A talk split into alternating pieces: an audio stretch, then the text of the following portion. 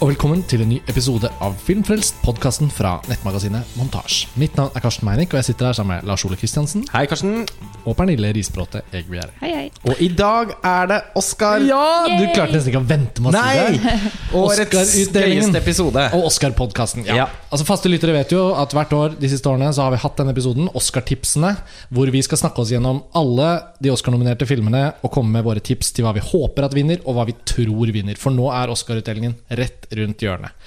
Det er Og- faktisk liksom på en måte den mest sånn tradisjonsrike podkastepisoden vi har. for vi Ved siden av årslistepodkastene, kanskje. Ja, den er jo da selvfølgelig også en veldig tradisjonsrik episode. Men eh, vi gjør den jo hvert år, og jeg syns alltid det er en av de morsomste episodene å, å ta opp. Det Eh, er en veldig lavskuldret episode, har jeg alltid ja, følt. det blir liksom sånn vorspiel. For Oscar er jo både blodseriøs for filmbransjen og folk som er opptatt av film, og folk som syns Oscar er gøy å dyrke og snakke om, og sånn men det er også litt sånn ja ja, dere.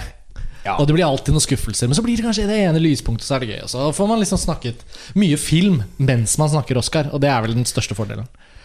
Skal vi hoppe Vi må liksom bare hoppe inn i Vi skal jo gjennom helt uh, Altså- svimlende mange kategorier. Du har jo forberedt, Pernille, Ja. Uh, ark til oss, og det er jo veldig herlig. Så vi sitter her rundt bordet med, med den store oversikten. Um, Sånn Grovt sett så har vi jo blitt enige om å, å ikke snakke om tre kategorier. Og Det føler jeg også er en tradisjon, for dette er jo da eh, Oscar-prisene for beste kortfilm, beste animerte kortfilm og beste dokumentarkortformat. De er jo ofte opp mot 40-50 minutter, men korte dokumentarer. De kategoriene er jo notorisk for at man som regel ikke har kjennskap til filmene eller har sett filmene, og derfor foretrekker vi å bare hoppe over dem, sånn at vi har mer tid til å snakke om de andre kategoriene. Det er mer naturlig kanskje for dere lytterne også. Men i år så vet jeg at du har fått tilgang på og fått sett og funnet noen av disse filmene. Så kanskje før vi går løs på de store kategoriene, kan du si litt om hva du har sett av kort, de animerte kortfilmene i år? Ja. øh, det er jo veldig vanskelig å få tak på dem, men i år så har det faktisk vært mulig å se noen. Uh, White Helmets, blant annet, som er nominert for uh, kort dokumentar, har ligget på Netflix veldig lenge. Og også den Extremis uh, er også på Netflix, for de som har lyst til å se de. Begge i Eh, kategorien for kortdokumentar. kortdokumentar, ja. mm. De andre Um, filmene der heter 4.1 Miles, Joe's Violin og Watani, My Homeland. Ja, og alle, eller mange av de handler jo om krigsherjede områder og er veldig sånn politiske filmer, Mm. og veldig viktige. Og eh, ekstremt eh, sørgelige også, noen av de. Jeg så, den Extremis så jeg i går, og handler om eh, folk som ligger på dødsleie på sykehus, og om familiene deres, og, at man skal skru av maskinen. Da. Det er jo ekstremt rørende og trist og tungt, eh, men veldig bra laget. Fint at noen får det på film. Har du sett noen av de animerte kortfilmene? Fordi Tradisjonelt for nordmenn så har jo faktisk det vært en kategori vi har liksom gjort det litt sånn Jeftig. Eh, Ja. Ja. Toril Koves kategori. Ja. Har du sett noen av de? Det er jo en Pixar-film vet jeg i år, 'Piper'. Ja, den var veldig fin. En liten video på seks minutter. Den ligger på Vimeo. Mm. Som egentlig bare handler om en liten fugl som skal lære å fly. si, Som skal våkne fra redet sitt og ut og utforske. Veldig enkel, fin liten sak. Og så så jeg også den som heter Pearl, som er et slags Jeg fikk inntrykk av at det var et Google-prosjekt. For det er jo sånn 360 graders videoting som eh, jeg ikke forsto så mye av da jeg så den i går fra en YouTube. Litt sånn eh, VR-aktig? Ja, ja, kanskje. Ja. Um, fordi den ga ikke noe mening da jeg så den, så jeg tenker her mangler det et eller annet. Jeg skulle hatt noen VR-briller eller noen 3D-briller eller et eller annet. Men det er jo kanskje progressivt av akademiet da, å trekke inn noen sånn litt sånn alternative formater på, Ja, på og den er sikkert veldig kul når man ser den riktig, men ja, den var litt rar. Men jeg holder en knapp på Piper der, for den var kjempefin. Pixar stiller jo alltid Skype til de kategoriene de er nominert til. Når det til Jeg holder en knapp på den pæresider og sigaretter, jeg. Det jeg Jeg skulle lese opp de andre titlene, bare sånn at vi har vært igjennom kategoriene uten å ha tatt en lang runde på det. Pearl Cider, Pear Cider unnskyld, uh, and Cigarettes, Borrowed Time og Blind Vaisha. Det er de andre filmene der. Og så har vi jo kortfilm, altså narrativ live action kortfilm. Jeg har ikke sett noen der, da, men jeg vet at eh, noen av de ligger på både Netflix og så tror jeg en ligger på NRK også. Ja. Så det er bare å søke seg litt rundt hvis man er veldig interessert i å se det. Men altså, vi hopper over det fordi vi ikke har sett det og har så stor kjennskap til det. Men filmene heter da Enemies Entraniers Å ja, det er fransk, selvfølgelig. ja. 'Anemie Entrainier, La Femme eller TGV, Silent Nights, Sing og Time Codes'. Da, for ordens skyld, har vi vært gjennom de tre kategoriene. Men det som er morsomst å snakke om, er jo alltid eh, ting man har sett. Og Oscarsesongen i år har jo vært, egentlig, etter mitt syn, bare sånn generelt Jeg syns det har vært en ganske sånn fin, litt sånn varmhjertet sesong. Det har ikke vært de store sånn hatobjektene. En eller annen film som man føler at å nei, nå er den store favoritten en film som man virkelig sånn hater til blods. For det har det jo vært ganske mange år av. Eh, og den aller dårligste filmen i hele Oscarsesongen er den som får mest heder. Og noen ganger så har det vært eh, Jeg, jeg syns liksom Oscar jevnt over de siste årene har vært ganske ålreit. Ja, altså det, jeg, eh, Jo mer jeg Jo mer det liksom har sunket inn, jo mer gledelig var det jo at Birdman eh, vant. Oscar for beste film og regi. Fordi det er jo en film. Og den er ikke en, en sviskete Den er ikke en sviskete biopic eller en, en, en sånn veldig sånn politisk korrekt eh, Det er ikke noe crash. temafilm. Nei, altså den eh, det var jo faktisk litt kult at, at den vant. Og man har hatt altså sånn Alfonso Cuarón vant beste regi for 'Gravity'. Ja, og så har det vært Injaritu, og så har det vært Emanuel Ubeski med tre sånne helt sinnssyke prestasjoner. vant. Var det fem eller var det seks Oscar-priser i det, fjor? det er veldig mye å glede seg over også. Og jeg føler denne Er sesongen Denne sesongen er kanskje Eller dette året, da. Nå skal vi jo begynne. Men dette er jo et litt sånn mellomår i den forstand at det er kanskje ikke de De aller sånne største, massive Jeg syns det, er et- e-postene, kan man si. da jeg synes det er et svakt år. Det må jeg bare få sagt. Men det kan vi komme tilbake til etterpå. Men eh, jeg syns det er et svakt år på en god stund, faktisk. Jeg syns ikke det blir et svakt år når det er såpass mye jevnt over ganske bra film. Ikke jeg, jeg, jeg er glad det ikke er et år hvor det er en, en, en sånn stor I hvert fall synes jeg, da. Jeg syns ikke det er et stort hatobjekt. Og det, jeg, det høres rart ut å fokusere på det, men jeg føler jo Men det har blitt men med men noe Kongens sånn tale sånn ja, Vi har hatt, noe vi har hatt noen av disse sure årene bakover, Ja. og det er heldigvis noen år siden nå, men, Ja. men ja.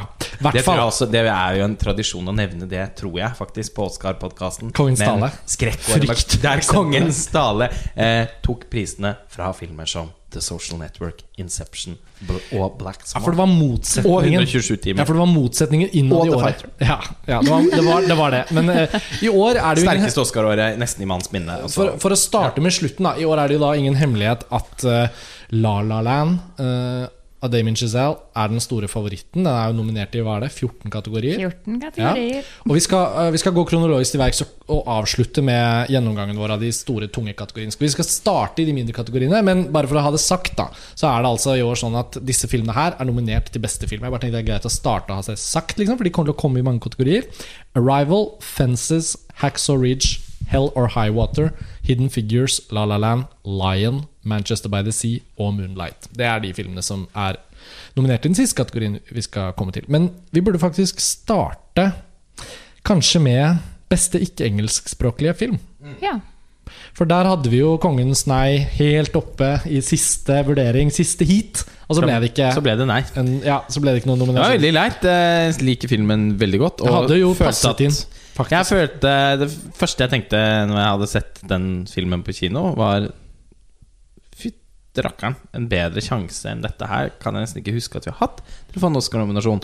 Og så ble det på en måte ikke noe buzz. Så tenkte jeg ok, da, da, da, da ble den ikke snappet opp. på en måte Men så kom, havnet den på shortlisten, og da følte jeg meg nesten helt sikker på at den kom til å være med. ja, det var Erik Poppe òg. Han var rimelig sikker, tror jeg. Ja, Han tok, tok vel seieren på, på, på både forskudd og bakskudd, holdt jeg på å si. Men Men de fem filmene som faktisk ble nominert, da, eh, der er det jo også en, mye vi har sett. Jeg tror den australske som foregår i sånn aboriginemiljø, er vel den eneste vi ingen av oss har sett noe av. Jeg vet ikke. Vi kan sjekke. De, de filmene som er nominert, er i hvert fall Tanna fra Australia. The Salesman fra Iran. Fransk, mye franske penger der, da, som fransk-iransk produksjon. Eh, en mann med navn Ove, svenskefilmen. Under sanden, danskefilmen. Og Min pappa Tony Erdmann, den tyske komedien som vi har snakket mye om på montasje, og som eh, er jo var jo helt der oppe blant eh, 2016s aller beste filmer, da montasje gjorde sin kåring. Så Men det er nok en film som er allerede Det har allerede florert noen rykter om det. At eh, man vet at veldig mange av de som stemmer, dessverre, ser filmene på screenere. eh, og at Tony Erdman har tapt litt i screenerkampen. Fordi mange opplever at den bruker lang tid på å komme i gang. Og de har fått Altså amerikanerne si, har fått høre at det er en ellevill komedie. Og den bruker slår jo to etter timer på å bli en komedie. ja, en altså, og slår etter de første 20 minutter bare sånn Was that really that funny? Det er nok ikke en komedie i deres sens. I'm waiting for Jack Nicholsons version. Yeah, Yeah, I'm waiting for that. that that's gonna be fucking great. Men, men uh, Og uansett så er den i sin tre timer lange tyskhet på en eller annen måte Jeg følte aldri at den var en frontrunner. Jeg følte at frontrunneren var under sanden. Men Tony Herman var frontrunner til Gullpalmen. Det var det den var. Ja, ja Egentlig. Ja. Det var jo mye mer logisk. Ja, og Eh, ingen kjærlighet fra den juryen. Og den er litt heldig som er noe Eller det, er- det, er- er flott at den ikke ble oversett i nominasjonene. Det er veldig, Det veldig, veldig bra. Men jeg, jeg er enig, vi snakker nå kynisk om hvordan Oscar-akademiet tenker. Det som er en føler. skandale, er at L ikke er nominert. Eh, Ja, for vi- skulle ha vaska gulvet med alle de andre filmene. Skulle til å si det da vi var inne på Kongens. Nei, det er jo et, med norsk perspektiv en, en film vi gjerne skulle sett nominert. Men Paul Verhoevens L med Isabelle Huppert i hovedrollen At ikke den er Den kom jo ikke på shortlisten heller. Nei. Så det er jo ganske utrolig. Men likevel vant Golden Globe. Ja, altså Og så er den ikke her engang. Nei, men og, det er Den er nok Den er vel for, for usmakelig, da.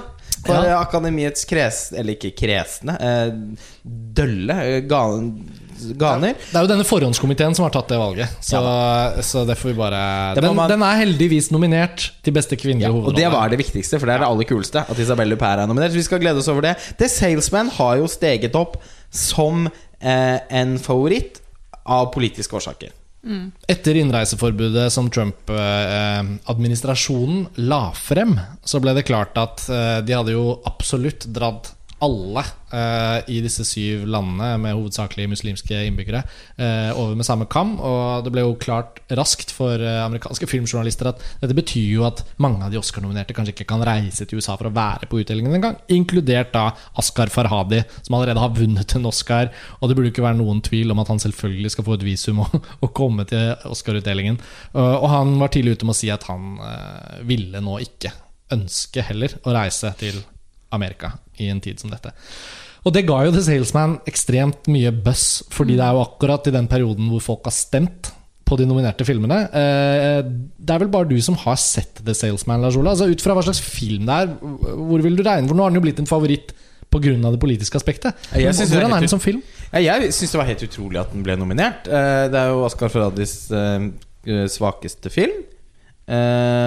Og så, og, og fikk Altså, den, den har fått gode, veldig gode kritikker i USA, da. eh, men den fikk ganske lunken mottakelse. Kan kan jo selvfølgelig også ha noe å gjøre med at hovedkonkurransen i fjor var så sinnssykt sterk. Eh, men eh, Og jeg syns ikke det var en dårlig film. Den og, Jeg vet ikke, jeg er ikke verdens største fan av Askar Farhadi. Jeg syns han lager litt sånn men jeg syns stort sett filmene hans er veldig underholdende. Um, Nadros min er fantastisk bra. Uh, jeg var også veldig begeistret for About Ellie. Le Passé er også veldig fin, Mm. Ja, men for jeg syns det var litt sånn eh, Nader og Semin About Ellie er de overlegent beste filmene. Og jeg syns de holder jevngodt nivå. De har eh, litt forskjeller, men har det der grunnleggende som han får til så bra. da Dramatisering av sånne moral, moral, Ja. moraletiske Og med veldig sånn høyt altså, Spenning på en sånn Spenn... eh, Ja, og på, det er veldig sånn høyt underholdningsnivå, jeg si. På, syns jo noen ganger at de kan liksom tendere mot å nesten være litt sånn såpeoperaaktige. Eh, og det syns jeg ikke er noe negativt. Det er en Eh, populær sjanger, det. Ja, absolutt. Ja, altså, jeg, bare, jeg har aldri helt klart å akseptere at Men det er bare min personlige Men jeg har bare liksom aldri følt at Askar Fahd er en sånn kjempespennende filmkunstner. Eh, men jeg syns han lager Han er god på å lage liksom sånn klassisk sånn drama Ja. med temperatur og spenning er sånn og vendepunkter. skrevne. Godt skrevet. Sant? Og, og The Salesman er jo da også en sånn film, og den er unektelig eh, også veldig underholdende etter hvert. Men jeg syns den ble enkel og, og, og litt sånn gjennomsiktig, kanskje. I ja. Ja, men nå, altså, var ikke min favoritt. Den er nå der oppe. Og så må vi jo snakke litt om våre nordiske venner. Holdt jeg på å si. Er det noen av oss som har sett en mann med navn Ove? Jeg har ikke sett den, men jeg føler ut, selv uten å ha sett den at den kunne helt sikkert ha bytta plass med Kongens nei. Ja, så det, jeg har heller ikke sett den, så da har ingen av oss sett den. Ikke ærlig. heller. Og det, det jeg hørte for noen uker siden, var eh, fra en person som er veldig sånn sympatisk anlagt, men som var litt sånn Jeg er så lei av at folk eh, tror at det er en dårlig film. For det er egentlig en veldig sterk historie. Og så fikk jeg forklart litt mer ved den historien enn det jeg hadde fått med meg. Det er jo liksom Jeg prøver å følge med. Jeg vet jo at vi begge gjør Altså sånn med montasje og hele altså, Alle vi er ganske Ralf sånne Lassgaard er Ja. en av mine favorittskuespillere. Og så fikk jeg en anbefaling av den filmen som var egentlig den første ordentlige anbefalingen jeg har fått. Og nå har jeg fått litt lyst til å se den. Ja, jeg, jeg har lyst til å se den selv. Ja, og det eh, slo meg at kanskje den også har en litt sånn underdog-mulighet, da. Men det er jo danskenes film, som alle vi tre har sett, Yes. som føles som den absolutt mest sånn Oscar-vennlige, i tillegg til å holde høy kvalitet, filmen. For det er jo en andre verdenskrigsfilm. Og vi har jo snakket om på Filmfrelst tidligere, men Pernille, du kan jo ta en kort Ja, altså Den har jo en tematikk som eh, man skulle tro at ble favorisert veldig høyt i akademiet. da. Fordi den handler jo om eh, altså den er tung, og den handler om andre verdenskrig, og, eller i hvert fall tiden etter. Og, og så er det, handler det om barn, eller veldig unge gutter, og lidelse. Og alle aspektene er på plass for at dette skulle bli et, en fullverdig Og så er det sånn viseral kinoopplevelse. Altså Ja. Sånn, du er brennmerket på kroppen, på en måte. Ja, ja. Kombinasjonen av den vakre stranden ved den danske kysten og vissheten om at den er fylt av miner, og vissheten om at disse uskyldige, tross alt tyske guttene, som bare er liksom blitt soldater litt sånn Jeg tror ikke de er nazister, akkurat. De har veldig lite med det liksom, å gjøre. ja, men de må liksom ta skylda litt da, for all dritten. Og så må de krype der og, og lete etter miner. Altså Det er forferdelig å se på, men det gjør det jo til en som du sier, Lars Ole En viseral opplevelse. Det blir en temperatur i kinoopplevelsen her som er vanskelig å Det er ikke og, og, For å si sånn, Hvis noen akademimedlemmer slenger inn den screeneren, tror ikke den er så lett å skru av. Nei, Nei, absolutt ikke. det Og så er den jo veldig perfekt i lengden òg. Den er Ja. veldig enkel, sånn 90 minutter. Og, Klare dramatiske linjer, du vet akkurat hvordan du skal følge ja. historien. Det er en film som det er veldig enkelt å like. ja. og Roland Møller er helt fantastisk. Veldig vanskelig Å, mislike, på en måte. Altså, eh, jeg, kan, jeg får, kan ikke forestille meg at noen av medlemmene ikke liker den. Så, Skal vi ta eh, runden, da, eller? ja. jeg, men jeg, tra, jeg, jeg tror på ryktet, jeg. Eh, jeg tror det blir The Salesman, og vil at det skal bli Tony Erdmann. Jeg vil selvfølgelig at det skal bli Tony Erdmann. Fordi av de filmene jeg har sett her, så er det jo på en måte Og det var liksom en så utrolig bra film. Så selv om jeg også Vi må på en måte bruke analysen her og si at amerikanske akademimedlemmer antageligvis ikke omfavner den filmen på samme måte som vi har gjort. Men Nå kom jeg på også at Kammerpiken skulle også vært nominert. ja, selvfølgelig. Ja, ja, Den ble ja. ikke også engang en skan- sendt inn. Nei, altså det er også en skandale. Og den venter jo det norske kinopublikum på fortsatt. Den skal ha premiere Og snart. tenk at den ikke er nominert til foto- og kostymeproduksjon. Altså, sånn, det er egentlig en skulle film jo- som skulle fått ti nominasjoner. Ja, egentlig. Ti, Men sånn, hvis man til og med tenker litt realistisk, da, så hadde det på samme måte som ehm, Som Amelie Amelie, eller, så, eller uh, Pans. Pans labyrint, snakket henne. Mm. så kunne det blitt en sånn film som uh, i hvert fall fikk produksjonsdesign, kostyme eh, Ja, den, har vi jo, den må vi jo Og ikke score, ja. Ja, originalen. Ja. Men ja, jeg tror uh, jeg, jeg har vært på vippen, for jeg føler liksom at Jeg tror den under sanden fortsatt har en jævlig god mulighet, da. Um, jeg klarer ikke å unngå å si at jeg tror det blir The Salesman, fordi det er noe med at det er så utrolig mye av det Trump-greiene som koker Ja. for de liberale Jeg tror det blir viktigere for dem å Jeg make tror a også, statement jeg, enn jeg, jeg tror også det. Så det er, jeg, jeg er helt komfortabel med det. Eh, Ja. Det er helt greit. For det er jo faktisk et aspekt som er viktigere Ja, der stiger politikken liksom Ja. litt i vers. faktisk. Han eh, Martin Zandvliet, som har laget Under sanden, har jo allerede fått mye honnør. Han er Ja. jo sikkert glad for å være nominert. Så. Det er jo trist å si det, men altså, og det er jo veldig synd for filmen at den kommer til å vinne på feil premisser. Mm. Men jeg tror jo selvfølgelig også det selv som den kommer til å vinne nå, selv om jeg håper på å vinne sånn er Under veldig liten ja. tvil uh, hva jeg håper på, i hvert fall. Ok, Ja. men da har vi en kategori unnagjort, dere. Vi fyker videre. Uh, hva har dere lyst til å ta først? Beste dokumentar eller beste animerte langfilm? Du kan ta beste animerte langfilm, for der har jeg veldig lite å si. Ja. Eh, Jeg har bare sett uh, Sotropolis. Til gjengjeld så tror jeg også den vinner. Jeg har også bare sett Sutropolis, og jeg tror også den vinner. Og den var en av fjorårets beste filmer, så jeg blir jo veldig glad hvis den vinner. Har du sett flere enn Ja, jeg har sett uh, ja, Sotropolis og Moana Vaiana.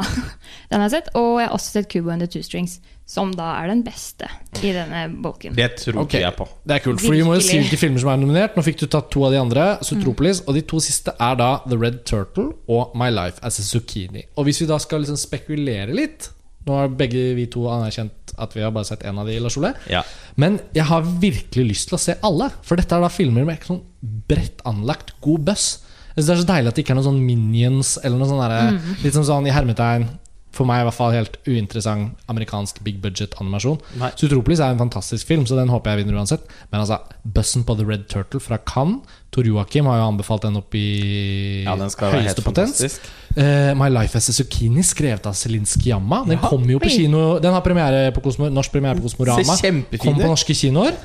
Og Moana den har jo også fått kjempebra buzz. Det er jo en En stor Disney-film, det òg. Ja, du hadde sans for den, Pernille? Ja, den var fin og veldig sånn fargerik, og den minner jo litt om Frozen. Sånn sterk eh, kvinne i hovedrollen, og litt tullete og litt teit, men også veldig koselig. Og en, Og John Musker og Ron Clements altså, De har laget noen av de beste Disney-filmene fra de siste 30 årene. Ja. Så Og de stilte jo et intervju med montasje som vi har ute på sidene våre. Og der syns jeg også det kom veldig godt frem en del av deres bakenforliggende entusiasme for å ha laget en ny film igjen. De, Ja. de, er jo, de, er ikke sikkert, de har så mange spillefilmer i seg igjen. Nei. Eh, så det var veldig gøy å se.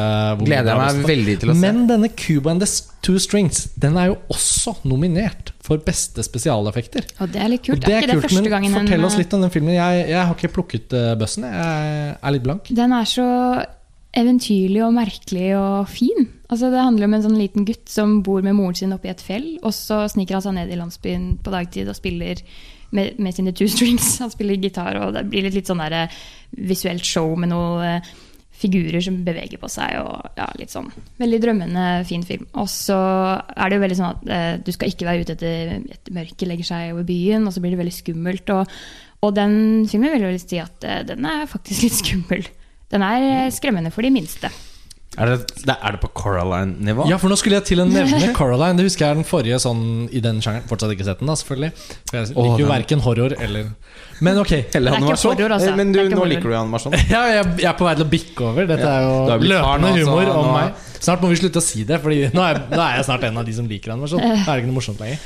Um, men ja, dette er den kategorien som, som, som jeg ofte føler at alltid har med en sånn der selvsagt mainstream animasjonsfilm som bare blir uh, nominert på automatikk. Men i år virker det som det er virkelig sånn vitalt interessant felt med ganske mye forskjellige typer av animasjon. Og Finding Dory ble ikke nominert. Nei, det er faktisk påtagelig. Ja, det er det. Altså, at når, når Pixar ikke blir nominert, så er det Da er det i hvert fall et signal om at det er laget veldig mye bra animasjonsfilm. Og, så da får ikke de en sånn bare på automatikk. Jeg har ikke sett uh, Finding Norway. Den fikk jo fin mottakelse, men uh, De er nominert til short, da, i hvert fall. ja. Det er de, det er sant. Ja, beste dokumentarfilm. eh, Vi får fyke raskt videre. Her syns jeg også at vi kan trekke fram at de fem nominerte er virkelig sånn Det er et ganske sånn sterkt politisk nærvær på en måte som reflekt, Det føles som virkelig de fem nominerte reflekterer verden, da, slik det var i 2016 og inn i 2017. Vi kan bare lese opp de nominerte. 'Havet brenner', eller 'Fire at Sea', som vant Gullbjørnen i Berlin i fjor. Eh, italiensk filmen om eh, livet på og rundt Lampedusa med flyktninger til havs. Kritikerrost og fortjent. på kino i Norge. I Am Not Your Negro, regissert av Raoul Peck, som er på vei ut på norske kinoer snart, eh, og som har fått kjempegode besøkstall i USA. Akkurat hatt premiere der. Life Animated. Pernille, den hadde jo du en bra presentasjon av tidligere. Ja, men jeg er ikke helt sikker, skjønner du, for jeg har ikke sett den. Jeg har ikke lest Nei, men jeg så mye Beskrivelsen, i jeg kan prøve meg, da men vi, ingen av oss har sett den ennå. Men, men den handler da om en eh, gutt eller en fyr som lider av autisme, men som gjennom en slags sånn dialog med kommunikasjon med Disney-filmer Ja, han tegner veldig mye og Ja. klarer å liksom finner en måte å, ja. å håndtere dette på. Da. Så det er den som er litt mindre sånn hot topic. Eh, for de to neste er da OJ Made in America. Den har vi vært innom da vi snakket om årslistene våre. Mm. Og 13th, som er en eh, rett på Netflix-dokumentar i kinolengde, regissert av Ava DuVernay, som gjorde Selma for noen år siden. Som er en eh, ganske skarp og drepende analyse av det amerikanske fengselssystemet og historikken med fengsling, og hvordan det reflekterer rase og etc. etc. Denne Det er, en, det er altså mer, sånn- jeg, opplever det at nest, jeg opplever at den er mer en informasjonsfilm, nesten, enn en, en, en kunstnerisk spennende dokumentarfilm. Det er litt som en PowerPoint-prestasjon, men med power. da Ja. Og eh, følte, meg, følte at jeg ble veldig beriket og opplyst av å se den. Ja, for den er ikke så veldig filmatisk, og det er veldig veldig mange eh, som skal snakke i den, som, du ikke, som, er, som er en slags sånn å, han er en attorney der, og masse folk du ikke vet hvem er, som kanskje ikke er så veldig viktig, men de sier jo utrolig mye viktig, da. Og den er jo, den er jo kanskje en av de filmene med, med mest viktigst informasjon på, som på dagsorden vi sett, da. Ja, fordi man blir jeg, mener, sånn ikke- jeg mener ikke som en kritikk, men jeg tror hvis man hadde hørt filmen som en podkast, Mm. så har jeg en følelse av at man ville fått med seg egentlig all informasjonen. Ja, fullt mulig å bare høre gjennom det. Ja. Det må sies, men, det, men det, det er noe sånn som det er. eh, Og jeg føler at denne filmen er laget fordi den skal få disse tingene frem. Det er veldig bra at den er laget. Belyse tematikken. Ava DuVernays at- brennende hjerte føler man veldig i filmen. Ja, og så er den man- solgt rett og selv Netflix. man ja, som veldig mange har sett den. Og så er den satt opp på et par kinoer, kvalifiseres for Oscar, og så blir den nominert. Og det er jo ikke noe på en måte feil i det, men jeg tror hun ville også sikkert sagt at If you want to see one of my visual films, probably look at Selma. Liksom, eller Ja, eller ja, ja. Og, men, men altså, det er en film man skal være veldig glad for at det er laget. Og selv om man føler at man kanskje vet noe om disse tingene fra før, så syns jeg den likevel at man ble litt sånn blåst av stolen. Ja, det var veldig mye der jeg faktisk ikke visste om fra før. Sånn Hvordan uh, hele rettssystemet har fungert gjennom de forskjellige presidentene over de siste årene og sånn. Ekstremt interessant. Men OJ Made in America, dere. Altså Hvis ikke den vinner, så Det er jo det er jo en så gigantisk favoritt, og det er en helt utrolig majestetisk dokumentarfilm. Nå har jeg også sett hele. Jeg rakk ikke å se gjennom hele til årslisten. Derfor var den ikke på min liste, men den ville jo vært det nå eh, hvis jeg kunne skrevet den om. Men Det gjør ikke noe at den falt utenfor, men nå som den kom på Oscar-podkasten så føler jeg også at jeg må bare få sagt at, For eh, en Tyrannosaurus rex på Ja, måte av en utrolig. dokumentarfilm. Og vi var jo innom det. Er det en TV-serie eller er det en kinodokumentar? Regissøren har sagt For meg er det eh, fortsatt en kinofilm, selv om den fortelles i serieformatet og den blir sett av de fleste som en på en måte lang seriedokumentar. Det er som det er. Den er vist på kino, og den har kvalifisert, og den er nominert. Og jeg syns den er eh, vel så mye en film som de andre, selv om den er veldig lang.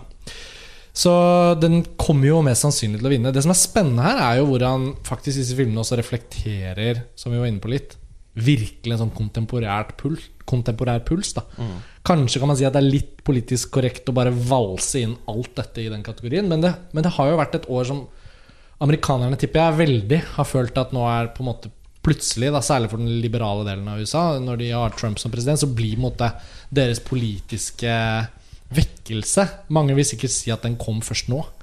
Fordi Obama kanskje har gjort det litt lett for dem å være pro sine egne politikere. Så, så kombinasjonen av en, flykt, en europeisk dokumentar om flyktningkrisen, eller et, et portrett av et element av flyktningkrisen, og så I'm Not Your Negro, som jeg har forstått at er et, eh, er en et portrett av denne forfatteren, James Baldwin. Og et ganske sånn, også en ganske sånn sterk analyse av uh, rase... Jeg, har, Historikk. ja, jeg, har sett jeg har sett den. Ja. Og det er en film som jeg kommer til å absolutt se igjen på kino, for jeg så den på en screener. da Ja. Uh, og den er bare ekstremt fascinerende. Mm. Fordi her får vi endelig se uh, mye om Martin Luther King Malcolm X, men vi får se det gjennom synet og stemmen til en person som kjente de personlig. Og det blir liksom litt annerledes enn alle de der straight forward, informative Mm. type dokumentarene som du kan, kanskje har sett og lest mye om om disse menneskene før. Mm. Nå får du faktisk komme litt mer under huden på dem, og det gjør det bare ti ganger sterkere. Altså. Og den er jo som et, som en slags veldig sår og fint essay, på en måte. Så tror du den kanskje kan være en, eh, en eh, joker? Ja, altså et, Hvis den hadde vært nominert til et hvilket som helst annet år, så hadde den kanskje hatt en veldig stor sjanse. Men nå står den opp mot bare så utrolig sterke kandidater. Og når det er sagt, så er jo, hvis du ser på hele listen, så er jo dette her filmer som alle bare burde se. Bortsett fra den Life Animate som ikke jeg kan uttale meg om. Nei, men vi får, den er der sikkert av en grunn, den òg. Ja. Jeg tror ikke ikke den sant? er uinteressant. Nei, det høres jo kjempe, urørende. kjempespennende ut. Vi, vi, hva skal vi si da her? Vi får begynne. Eh, Tror, tror og vil OJ Made in America. Ja, det blir litt kort for meg. Det er samme her. Uh, hadde jeg sett I'm Not Your Negro, for jeg har veldig på følelsen at den er sterk og bra, så kanskje man hadde hatt et lite hjerte for den der òg. Men uh, Men kan Hvis ikke noe OJ være Made bedre America? enn OJ? Det er faktisk Nei da, jeg- en av de beste dokumentarfilmene jeg har sett noensinne. ja, jeg føyer meg inn. Jeg syns den er helt utrolig. Uh, så ja.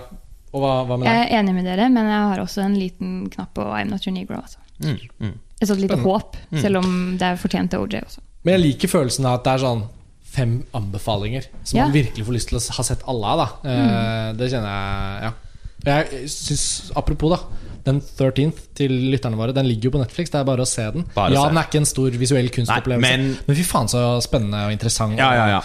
og uhyggelig, på en måte. ja. Viktig å se. Ja. Eh, vi, da, da får vi hoppe videre til de eh, kategoriene som engasjerer aller flest, aller mest. Nemlig kategoriene for lydklipp og lydmiks. Så, nei, Ja, altså jo, ikke for jo- jo, ikke for fast å- ikke, bare, ikke for å undervurdere den, de kunstneriske prestasjonene til lydarbeiderne. Det ville bare være helt dust. Men eh, lydklipp er vel ofte den eh, En kategori hvor mange ikke helt Hvor mange må melde litt pass fordi de ikke engang vet hva lydklipp er. Vi har forklart det såpass mange ganger tidligere på disse podkastene at vi hopper over det i år. Ja. Eh, men Det er bare å spole seg tilbake. Det ville vært reprise, men her, dette er litt sånn kategori hvor man også må lese seg litt opp på hva som, hvor vinden blåser. Jeg har lest meg bitte litt opp og uh, skjønt det sånn at uh, Hacksaw Ridge er favoritt i den kategorien. Og det er også den filmen som av de i denne kategorien som jeg har sett. Jeg har ikke sett Deepwater Horizon. eh, hvor lydarbeidet imponerte meg aller mest. De nominerte i denne kategorien, hvis vi starter med lydklipp, er Arrival, Deepwater Horizon, Hacksaw Ridge, La La Land og Sully. Um, og vi, Historisk pleier vi ikke å bruke så voldsomt lang tid på disse kategoriene, men det er jo litt gøy også. Uh, Sully er jo da Clint Eastwood-filmen med Tom Hanks. Den har ikke jeg sett. Men dette er den, e Kjempeflott lydarbeid i den. og det er den eneste nominasjonen til den filmen, er det ikke det? Jo, Jo, utrolig Deep, nok. Deepwater Horizon. Det var en av de som bare tapte i år. Ja, Det Det er jo egentlig en sånn typisk Det står jo skrevet Oscar over Ja. Jeg husker til og med jeg tenkte etter den nødlandingen og at det gikk bra. Og sånn, husker jeg tenkte sånn, Dette blir film, og det blir Oscar! Ja. Og Tom Hanks gjør en kjempebra hovedrolle, og den er bare så nydelig superclassy gjort. da Og den har en sånn Frank Capra-aktige kvalitet ved som gjorde Jeg tenkte at det- Akademiet kommer til å elske Pernille sitter og rister på det og ikke like engasjert i den. Likte ikke den. Jeg er ikke noen stor Clint Eastwood-fan, må jeg innrømme, dessverre, i dette selskapet. Men eh, ja, jeg så Sully. Jeg vet ikke hvor mye min flyskrekk spiller inn på mitt bilde av denne filmen. Men uh, I was not impressed. Sorry. Nei. Den er veldig flyskrekkskapende, så hvis man Åh, Jeg synes, og jeg følte uansett at når en film er nominert i én kategori, så syns jeg det er fint å bruke 45 sekunder på å si litt om den filmen hvis vi har sett den. da, i hvert fall eh, La La Land. Dette er da en av de 14 nominasjonene. Hacksaw Ridge. Eh, Deepwater Horizon Arrival. Historisk så har jo gjerne da litt sånne store voluminøse Actionkrig-epos-filmer med mye lyd. Høylytte filmer Høylytte Ja. filmer stiller som regel sterkt. Og altså, hva skal jeg si?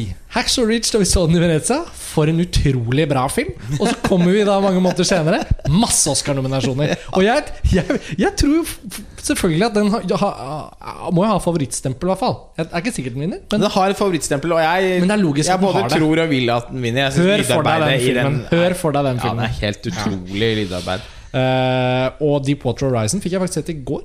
Mm. Det var jo bare fordi jeg hadde lyst til å leie en underholdende film og se den. Eh, Men så du den høyt nok for å legge merke til lyden?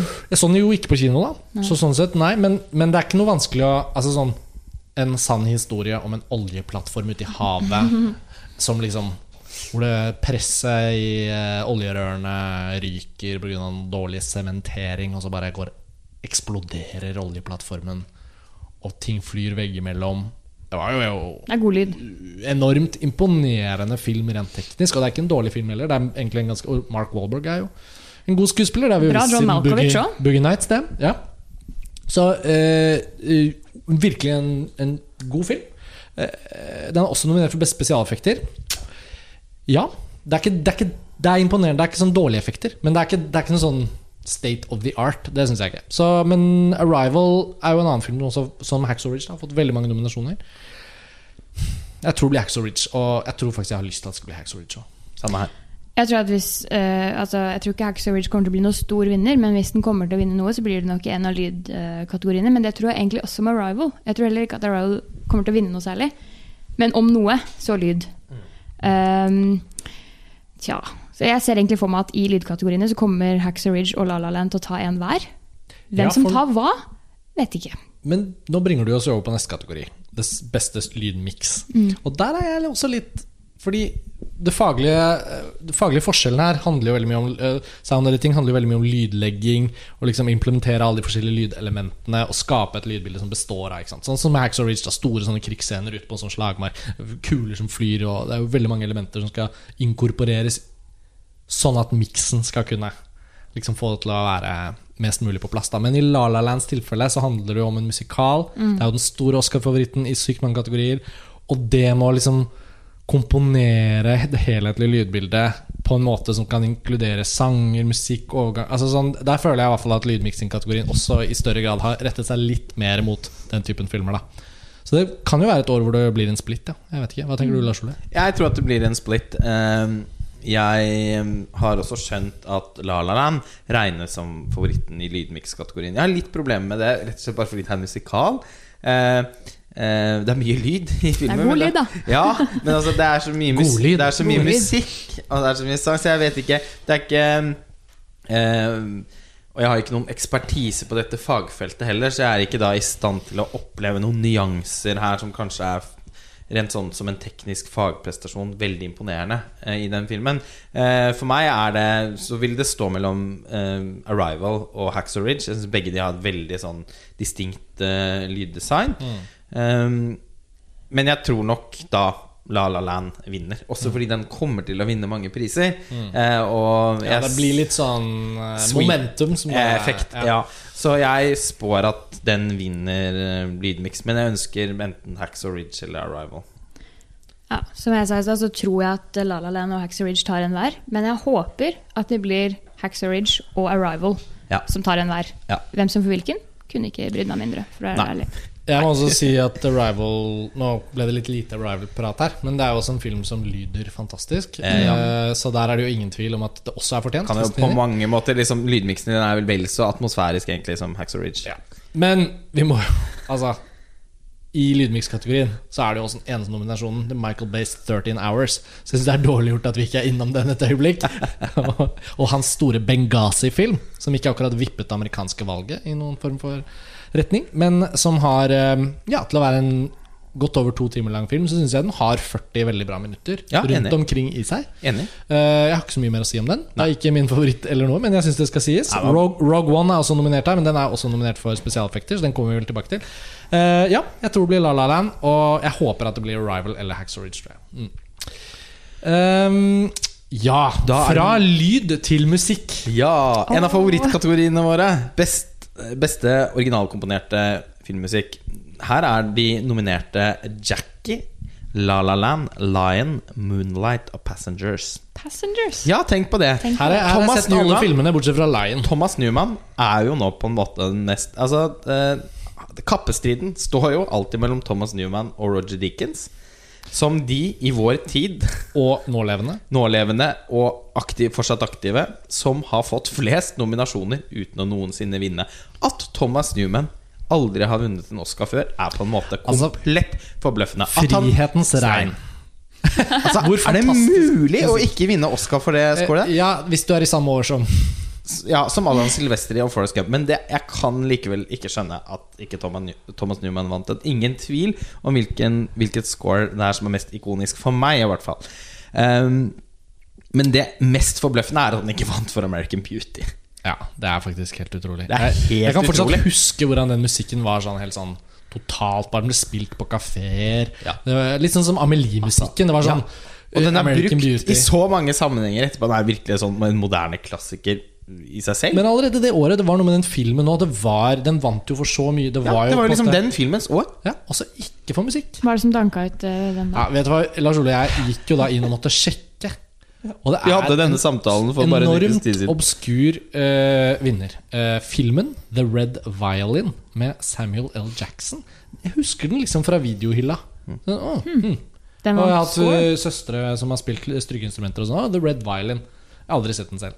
Og komponisten som da vant Oscar for The Red Violin, har ikke engang drevet og komponert noe særlig til film, verken før eller senere. Det er sånn Så totalt bortkastet totalt pris. bortkastet og. Men Oppdaget ok, vi ikke også da James Newton Howard ikke var nominert for Den sjette sansen? Det og det er også det helt det utrolig. Ja. Men um, ok.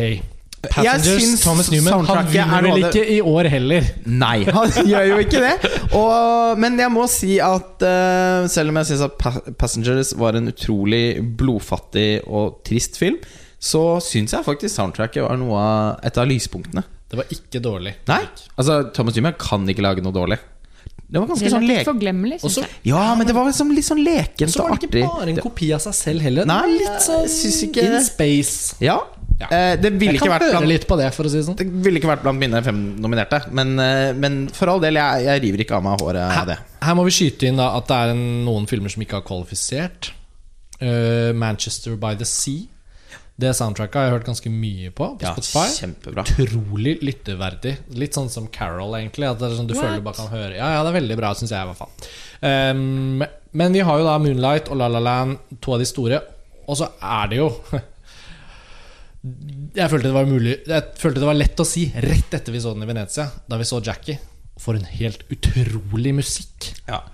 Av Mika Levi, Ja. som fikk sitt gjennombrudd med musikken til Under The Skin for noen år siden. Og, og den er jo fortsatt min sånn overlegne personlige favoritt i denne kategorien. For Det er det er sånn ekte, fantastisk score. Ja, det er sånn, helt sånn kommer Og så er det så mye da. musikk i filmen òg. Hele Og filmen så er jo å som en si for filmen. Ja, men hele filmen er jo nesten som en sam- montasje, på en måte. Og den musikken er jo, binder jo alt sammen. Så um, det hadde vært en veldig kul og veldig verdig vinner. Eh, favoritten er unektelig Justin Hurwitz for La La Land. Ja. Ja, for det er jo på en måte elefanten i rommet her litt. Eh, La La Land. Ikke bare er den nominert til 14 priser, ikke bare er den den store favoritten, men den er en musikal, og den er en originalskrevet musikal! Og vi skal slippe Pernille fri. Ja, Justin Hurwitz. ja. Oi, oi, oi. Eh, da jeg så La La Land første gang i desember, så har det ikke gått en dag uten at det har spilt på min Spotify. Mm. Eh, det er så magisk som det får blitt. Og Både score og sanger. jeg tror aldri jeg har vært i så liten tvil i hele mitt liv om at denne skal og vil og burde vinne. Den kommer til å vinne, og jeg må si meg helhjertens enig. Til og med på tross av min store kjærlighet til Mika Levis Jackie-soundtrack, så er jeg enormt imponert over det La La Land-soundtracket. Jeg er ikke så begeistret for filmen, dessverre, men jeg elsker det soundtracket og har hørt på det eh, kontinuerlig de to siste månedene. Og ba, bam, bam, ba-da-da-dam, bam, ba-da-dam, bam, bam, ba-da-dam, bam, bam, ba-da- Til og med jeg kan synge. og han ble søren meg snytt for en nominasjon for Whiplash. Ja. Han ble vel diskvalifisert der for det. Men Og det var sånn helt unødvendig diskvalifisering, for det er så mye eh, originalmusikk i den filmen, og det er så forbløffende at det er originalmusikk. Når vi sitter og ser den Oscar-utdelingen, Når vi sitter og ser det Totalt showet imponert over han. ja, Og når vi ser det showet Jeg tror ikke det er Jeg tror ikke det er lite La La Land Sånn jingles vi kommer til å høre når folk går opp og, ja. Hver gang noen fint, vinner, så Ja, Det blir ikke siste gang vi har hørt den melodien. Men da håper jeg det blir 'Someone in the Crowd'. Da, bam, ba-da-da-dam, bam, Hver gang noen vinner. Ja, ikke stas. sant? Men altså, av alle de 14 kategoriene som La La Land er nominert, så er jo dette her den som kanskje folk kommer til å tenke at det, ja, den var fortjent, den skal du få. Ja. Til og med alle haterne Så- kommer vel til å liksom tenke at musikken, ja, den skal du få. ja, det Eller- vil jeg i hvert fall. Jeg håper virkelig at Mika Levi Ja. eh, det, har ikke vært en, det, også- det har ikke vært en kvinnelig komponist nominert siden Siderhusreglene, Rachel Portman. Eh, Mika Levi er et enormt talent. Mm. Det er Justin Hurwitz òg, så det er jo ikke sånn til forkleinelse for. Men jeg må bare si Jackie er jo nominert i altfor få kategorier. Det Ja, skulle vært nominert i 12-13 kategorier. Er jo, Ja. eh, Jeg syns det er Årets årets, beste Oscar-film. Ja, det synes Er jeg. Um, så jeg Årets syns det er bare verdt å største skyte skam at håper- den er ikke Og er derfor må jeg da ta, ta en pille for landet, holdt jeg på å si. Da, Ja. må, jeg, da må jeg ta, Jeg kommer også, ta Jackie her. kommer også til å skrike av glede hvis Ja, Mikael Levi ja. vinner prisen. Håper på Mikael Levi. Tipper det blir La La Land, Justin Hurwitz. Til tross for at La La Land er min blodfavoritt her, så må jeg også bare si at jeg er sykt glad for at Mikael Levi er nominert. Mm. Fordi som du sa, altså hun er, en, er vel den fjerde kvinnen eller noe som er nominert Totalt. i denne Mm. kategorien, og det er jo en raritet. Mm. Så Det har jo virkelig blitt diversity-året, da.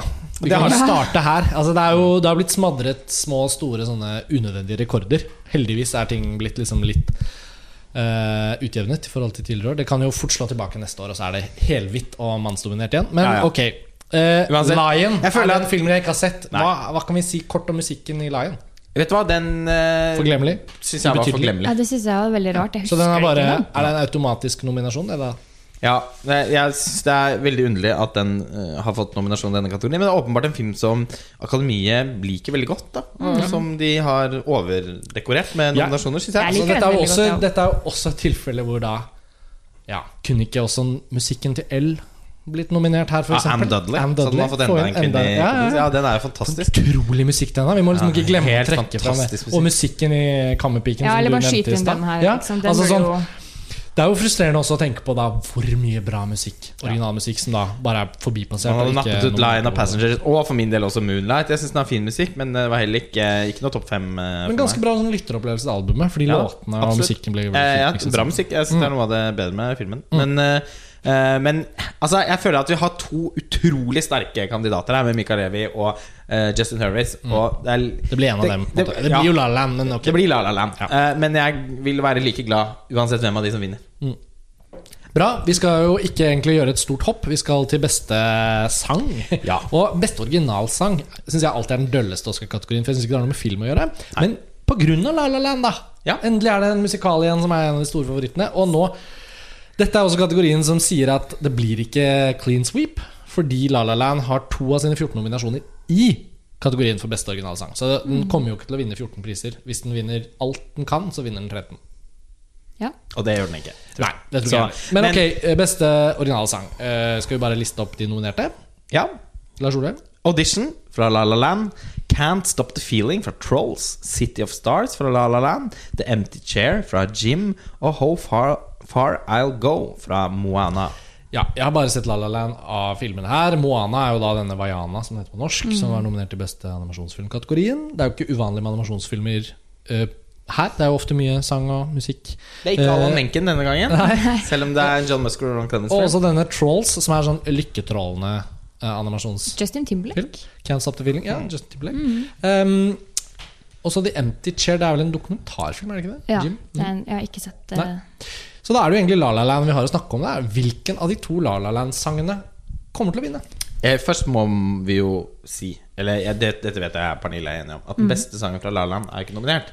Nei, for det er 'Someone in the Crowd'. Og hva er, Uten års hva er årsaken til det? Jeg tar litt sånn intervjuerposisjon på dette, jeg tror jeg. Nei, altså Jeg aner ikke hva kan som man er årsaken. på. Den har vel dårlig smak, da.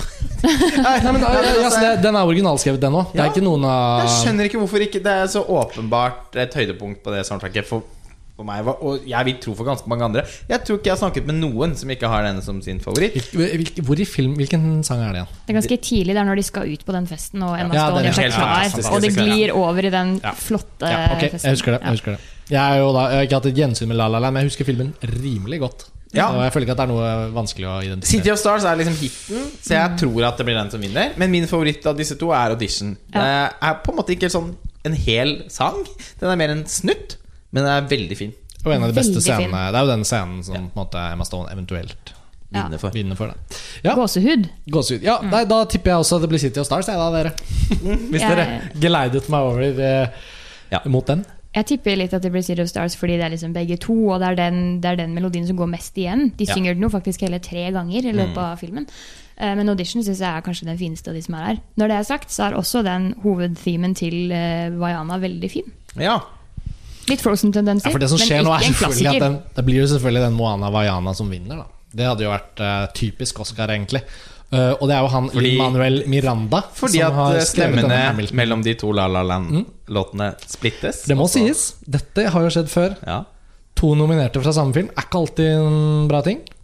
Skulle, skulle, skulle. Mika Levi vinne for score og Vaiana for beste sang, Så har det da kommer noe kommer det til å skje en del spennende ting i ja. kvelden. Ja, det blir spennende. Da blir det ikke noe sweep. Da har, Men vi, okay. da har vi i hvert fall vært innom det, selv om det ikke er mest sannsynlig. Og neste kategorien er vel kanskje heller ikke den som får oss til å skjelve av engasjement. Eh, Beste makeup and hairstyling. ja, nå har vi kommet til den eh, delen av podkasten hvor det går litt fort fra kategori til kategori. Ja, og Tre er nominerte. Ja, bare tre nominerte. En mann med navn Ove, Star Trek Beyond og Suicide Squad har jo veldig tøft sminkearbeid. Eh, altså deler Jeg er ikke så begeistret for utseendet på The Joker og sånn, men det er sminketing i Suicide Squad som jeg skjønner at på rent teknisk kan kvalifisere til en sånn Ja, det er pga. krokodillemannen, da, i så fall. Ja, og så er altså Margot Robbie sin Hun Harlequin og sånn ser jo veldig Er veldig kul look. Ja, Men dette her synes jeg kanskje er den kjipeste, rareste kategorien i år. Helt Hvorfor- utrolig rart. Jeg vet Altså, Årets absolutt dølleste Hvorfor er det jeg vet ikke tre? hvorfor jeg engang gidder å Altså, tenk- forsøke å koke fram Tenk så mye bra for bra, sminke, tross alt, og sikkert hår. da Altså Tenk så mye bra arbeid. Tenk på Ja. Eh, Kostyme eh, der. det er så mange eksempler. Tenk på Hacksaw Ridge. Alle disse flerrede soldatene etc. Det er litt utrolig egentlig Ja. at ikke den er nominert for sminke. De har jo plass til flere nominerte. Jeg bare synes det er sykt De kunne jo ikke få nok av den sånn generelt. Så det var Og hva skjedde med Star Trek-franchisen, Lars Ole? Ja. JJ Abrams første film Det syns jeg var skikkelig sånn Oi! Ja. Skal Star Trek bli ordentlig gøy? Ja, Sånn, den var jo så bra. Og så kom Star Trek Into the Darkness. Bare what? Hva skjedde her? Dette var jo ikke noe bra. Og Star Trek Beyond har jeg ikke engang sett, selv om regissøren av Fast Five, Justin Lin, eh, står bak spakene. Eh, En slags Fast and Furious-autør for meg. Så um, her har jeg ikke sett noen av filmene. men Den fikk strengt tatt ganske god mottakelse. Jeg Ja, fikk ikke sett den likevel. Jeg tror jeg var på et En- tidspunkt så lei av sommerfilmene, eh, I fjor, ja.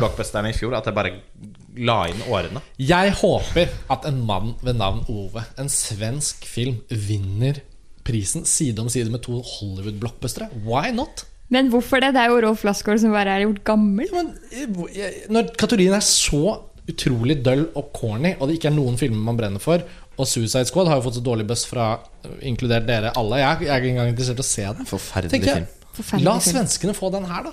Ja, altså jeg er helt enig med deg. Tenk så Eh, gøy! Kjempe, altså Svenskene var jo nominert i fjor òg. Ja, det er jo helt utrolig. Er det de samme? Det vet vi Jo, ikke. men heller den, da. Fordi det er faktisk en ung skuespiller som har gjort delvis troverdig som en gamling. Ja, som en altså jeg har ikke hundreåring. sett Mannen med navn, så jeg vet ikke om det er fortjent eller ikke. Men jeg syns uansett, eh, og ikke minst Jeg tror kanskje at den vinner òg, fordi ingen liker Suicide Squad. Og jeg tror ingen har sånn veldig sånn bankende hjerte for Star Trek Beyond heller. Så når denne svenske filmen først er nominert, Ja, det blir sånn medvind. så, ja, så har jeg en Kanskje. følelse av at jeg, jeg spår og på en måte håper da at uh, en mann med navn Ove tar med seg Ja, altså. Sånn faglig spådom her, det har ikke jeg noe grunnlag for. Så jeg sier bare at jeg håper på en mann med navn Ove. Ja, jeg tror kanskje egentlig at Star Trek har en mulighet her, på grunn av hun eh, øh, Har jeg glemt navnet hennes? Sofie Botella? Eller, hun Mm. kvinnelige hovedkarakteren. Hun hvite. Som har, hun har veldig spesielle linser og er- ansiktsform og hår. Og akkurat det er er ganske ganske god i den Kingsman. Hvor Ja. hun bare er sånn derre uh, Knivblad. Ja, sånn, sånn, sånn som han der Blade Runner fra Sør-Afrika som løp og løp og løp, og så skjøt han kjæresten sin og ble dømt til fengsel. Heter han? Ja. Uh, Oscar Pistorius. Pistorius. Beste kostymedesign, skal vi hoppe videre? Ja. Ja. Beste kostymedesign, de fem nominerte, er Allied av Robert Zemeckis. Fantastic Beasts, altså den hva skal vi si, Harry Potter prequelen. Florence Foster Jenkins. Jackie og La La Land. Uh, hvem vil begynne? Eh, her har jeg faktisk litt sterke meninger. Ja, fordi jeg syns dette kanskje er den merkeligste kategorien å nominere La La Land. Fordi her er det ikke noe ordentlig kostymedesign, egentlig, synes jeg. Det er litt sånn Hollywood-kjoler og ja, den er fin i den gule Mm. stasen hun danser i, liksom. Men det er absolutt ikke en prisverdig kostymefilm. Nei. Absolutt ikke. Eh, er det, er det litt sånn Ikke for å Men historisk sett her så er det jo så sjelden at kontemporære filmer nomineres. Nesten aldri. At jeg syns det er litt sånn forfriskende å tenke sånn hm, det er, Altså sånn La La Land er faktisk nominert, og den er jo da den årets store Oscar-favoritt, som vi sier sånn til det kjedsommelige. Og det er faktisk en kontemporær setting, da. Og Men det oppleves er jo oppleves et ikke så veldig kontemporær i sitt Nei, nei, men det er, et- det er jo uansett et kostymearbeid som legges ned. Og så er spørsmålet Er det en pris for mest søm, eller er det en pris for best kostymer for Det jeg fortellingen syns er litt kjipt, er at jeg, føler, jeg synes at det er en film hvor jeg får følelsen av at karakteren liksom kler på seg kostymer. Eh, og det passer til filmen, men jeg Ryan Gosling har sikkert fått velge sine egne klær fordi han kjedet seg så mye under innspillingen. han liksom Ja. I mean, But Ryan, you can choose your own clothes. okay. Ja, her har jeg i hvert fall en helt suveren favoritt, og det er Jackie. Ja. Eh, fordi Det er også min favoritt. ja, det er også en film hvor kostymene er så, så vesentlig for filmen. Og én ting er at de selvfølgelig i veldig stor grad er, eh, er gjenskapninger. Ja, altså, De reflekterer jo den sanne historien. Cha- Altså den eh, Chanel-kjolen osv. Eller drak, Chanel-drakten. Hvis man skal snakke om hvilken film det er lagt inn mest arbeid i når det gjelder kostyme, så må vel Jackie være en ganske god frontrunner her. Men jeg har samtidig litt tro på Fantastic Beasts. Ja, for det er også veldig imponerende sånn, og veldig Oscar-vennlige kostymer. Om det er noe som er meget imponerende i den filmen, så er det jo hvordan det ser ut. Ja, altså og hva de har på seg. og- ikke, kjøper ikke den filmen for en krone, men eh, produksjonsdesignet til Stuart Craig og kostymene er det lite å utsette på. Eh, Man kan kanskje innvende at den av og til er litt sånn overkostymert, Mm. men det liker Oscar-akten mye. Og det passer jo til settingen i universet og, Ja. egentlig. Men ja. hva med Allied, Karsten? Ja, altså Her har vi jo to filmer da som er nominert, som vi også får en anledning til å si noen ord om. Allied, Robert Zemeckis, og denne Florence Foster Jenkins, som jeg i hvert fall vet at du har sett, Lars Ole. Du har også sett den, Pernille? Ja. Men Allied, den fikk jeg sett. Det var som et lite vindu som sto åpent i november. Jeg kom meg på en pressevisning og tenkte etterpå at ja, da har jeg i hvert fall sett den. Det var ikke min type favorittfilm. Den var ikke direkte dårlig. Men det er noe med Zemeckis og det digitale og hans konsept om hva han syns er filmatisk, som bare ikke korresponderer med min egen smak. Det har ikke gjort det i noen av disse filmene. Til og med Flight, som var sånn uh, i, Ja, kontemporær, altså den er satt i vår tid, og sånn sånn. Det har vært sånn mye tonebrudd. Det var så mye den skulle innom litt å være en komedie. For John Goodman gikk rundt og var sånn lollete, jovial. Og så var den egentlig jævlig dramatisk, og plutselig var den et portrett av holisme. Og så var det dette high concept-greiene med den landingen med det flyet og sånn. Og Allied er da en andre verdenskrigsfilm som er så hyperskarp, da. Og den er så stilisert, men ikke til det bra. Og kostymene er sånne Dette har vi sagt så mange ganger, men det er sånn Det ser ikke ut som noen har brukt klærne før de gikk foran kamera. Alt Rett ut sånn av pakka. det føles som. Til og med når Brad Pitt lander liksom i åpningen i, i, i ørkenen i Marokko For å liksom dra til Casablanca for å gjennomføre en, et hemmelig oppdrag, så føles det liksom ut som om liksom fallskjermen og sanden og alt som har skjedd rundt landingen og sånn, så er det likevel som om han på en måte kommer Han står i en sånn Louis Vuitton veskereklame sammen med Bono for å bli fotografert. Det er sånn noe sånn polert og sånn uekte. Og filmen bruker ikke det litt sånn uekte ved estetikken sin til å gjøre noe ut av det. Så da blir det jo bare sånn sykt merkelig sammensetning av ting. Og jeg føler også at Zemeckis er en sånn fase nå over sånn Å ja, så når noen blir skutt, eller hvis man har en actionscene, så trenger vi ikke liksom ha fysisk blodeffekt. Vi kan legge det på digitalt, kan vi ikke det? Så liksom Hvis noen blir liksom skutt i hodet, da, så kommer det en sånn blodsprut bak hodet. Det er jo veldig vanlig å se på film med vold i for tiden. Og veldig ofte nå er jo det bare en sånn digital sånn fargesplatt som de legger på. For det er mye greiere å bare gjøre det sånn enn å ha liksom fysisk noe på sett. Og hele Allied er som om han like gjerne kunne laget en sånn Polarekspressen, på en måte. Og det ville det er vel egentlig Ja, men de er det mest interessert i. Ja, det er så nærme å bare være det. Ja. Så det er en utrolig døll film. Forferdelig forglemmelig, men liksom ikke dårlig nok til å være sånn en kalkun heller. Apropos døll film. Florence Foster Jenkins vil jeg også føye under den kategorien. Jeg vet ikke om du er mer imponert, men jeg syns jo at, eh, at den er nominert her. Ja, jeg skjønner litt eh, hvor er sånn At den kan appellere til mange som har, som har stemt eller shortlistet dette, men jeg syns hun bare så ut som en forferdelig forfallen lys i krone. På sitt beste. Dette er, ja, dette er jo Meryl Streep-filmen, så vi må jo ikke si at den er bare nominert til kostymedesign. Men det er iallfall første gang vi kommer til filmen. Ja, altså Vi kan jo snakke litt mer om filmen når vi kommer til Meryl Streep etterpå. Men uh, jeg er mer begeistret for den enn deg. Men, uh, men altså, den har jo sånn Altså på en nesten sånn samlebåndsaktig måte periodekostymer. Uh, av en type Altså, det er mange nok kjoler uh, til at Akademiet biter seg merke i det. Men det er jo på ingen måte et sånn veldig spennende eller uttrykksfullt kostymearbeid. Så jeg er helt enig i at det er en unødvendig nominasjon. Jackie er eh, sånn helt uten tvil eh, min favoritt her. Det virker det som om hele, alle rundt bordet her er enige om. Eh, men eh, jeg tror dessverre at det blir La La Land, altså. Men ja, Det er litt kjedelig at vi ofte har det samme her, da. Men vi, vi snakker jo mye om de samme tingene. Jeg har også en sånn følelse av at jeg tror faktisk La La Land får den. Fordi det er noe med den helhetlige bølgen for filmen. Og det er typisk at den da plukker med seg prisen i en kategori som dette. Men jeg håper jo det blir Jackie. Og jeg mener jo også Jackie er virkelig den neste. Altså Den bobler jo til å være en Den er helt klart nummer to, tror jeg. Det er den på disse bookmakernes ja. lister Ja, òg. ja. Men ettersom kjærligheten for Jackie åpenbart ikke er så sterk, så, så føles det mer trygt å tro på La La Land. Men det kan helt fint skje eh, en overraskelse. Mirakel. Positiv overraskelse her. Jeg håper og tror Jack, egentlig, men jeg tror også nesten like mye på Fantastic Beasts. Ja, og det kunne også vært en sånn morsom eh, joker i den kategorien. Det kan, være, kan vise seg å bli en litt sånn åpen kategori. Det er også en kategori hvor det av og til skjer noen morsomme ting. Eh, Mm, Mad Max.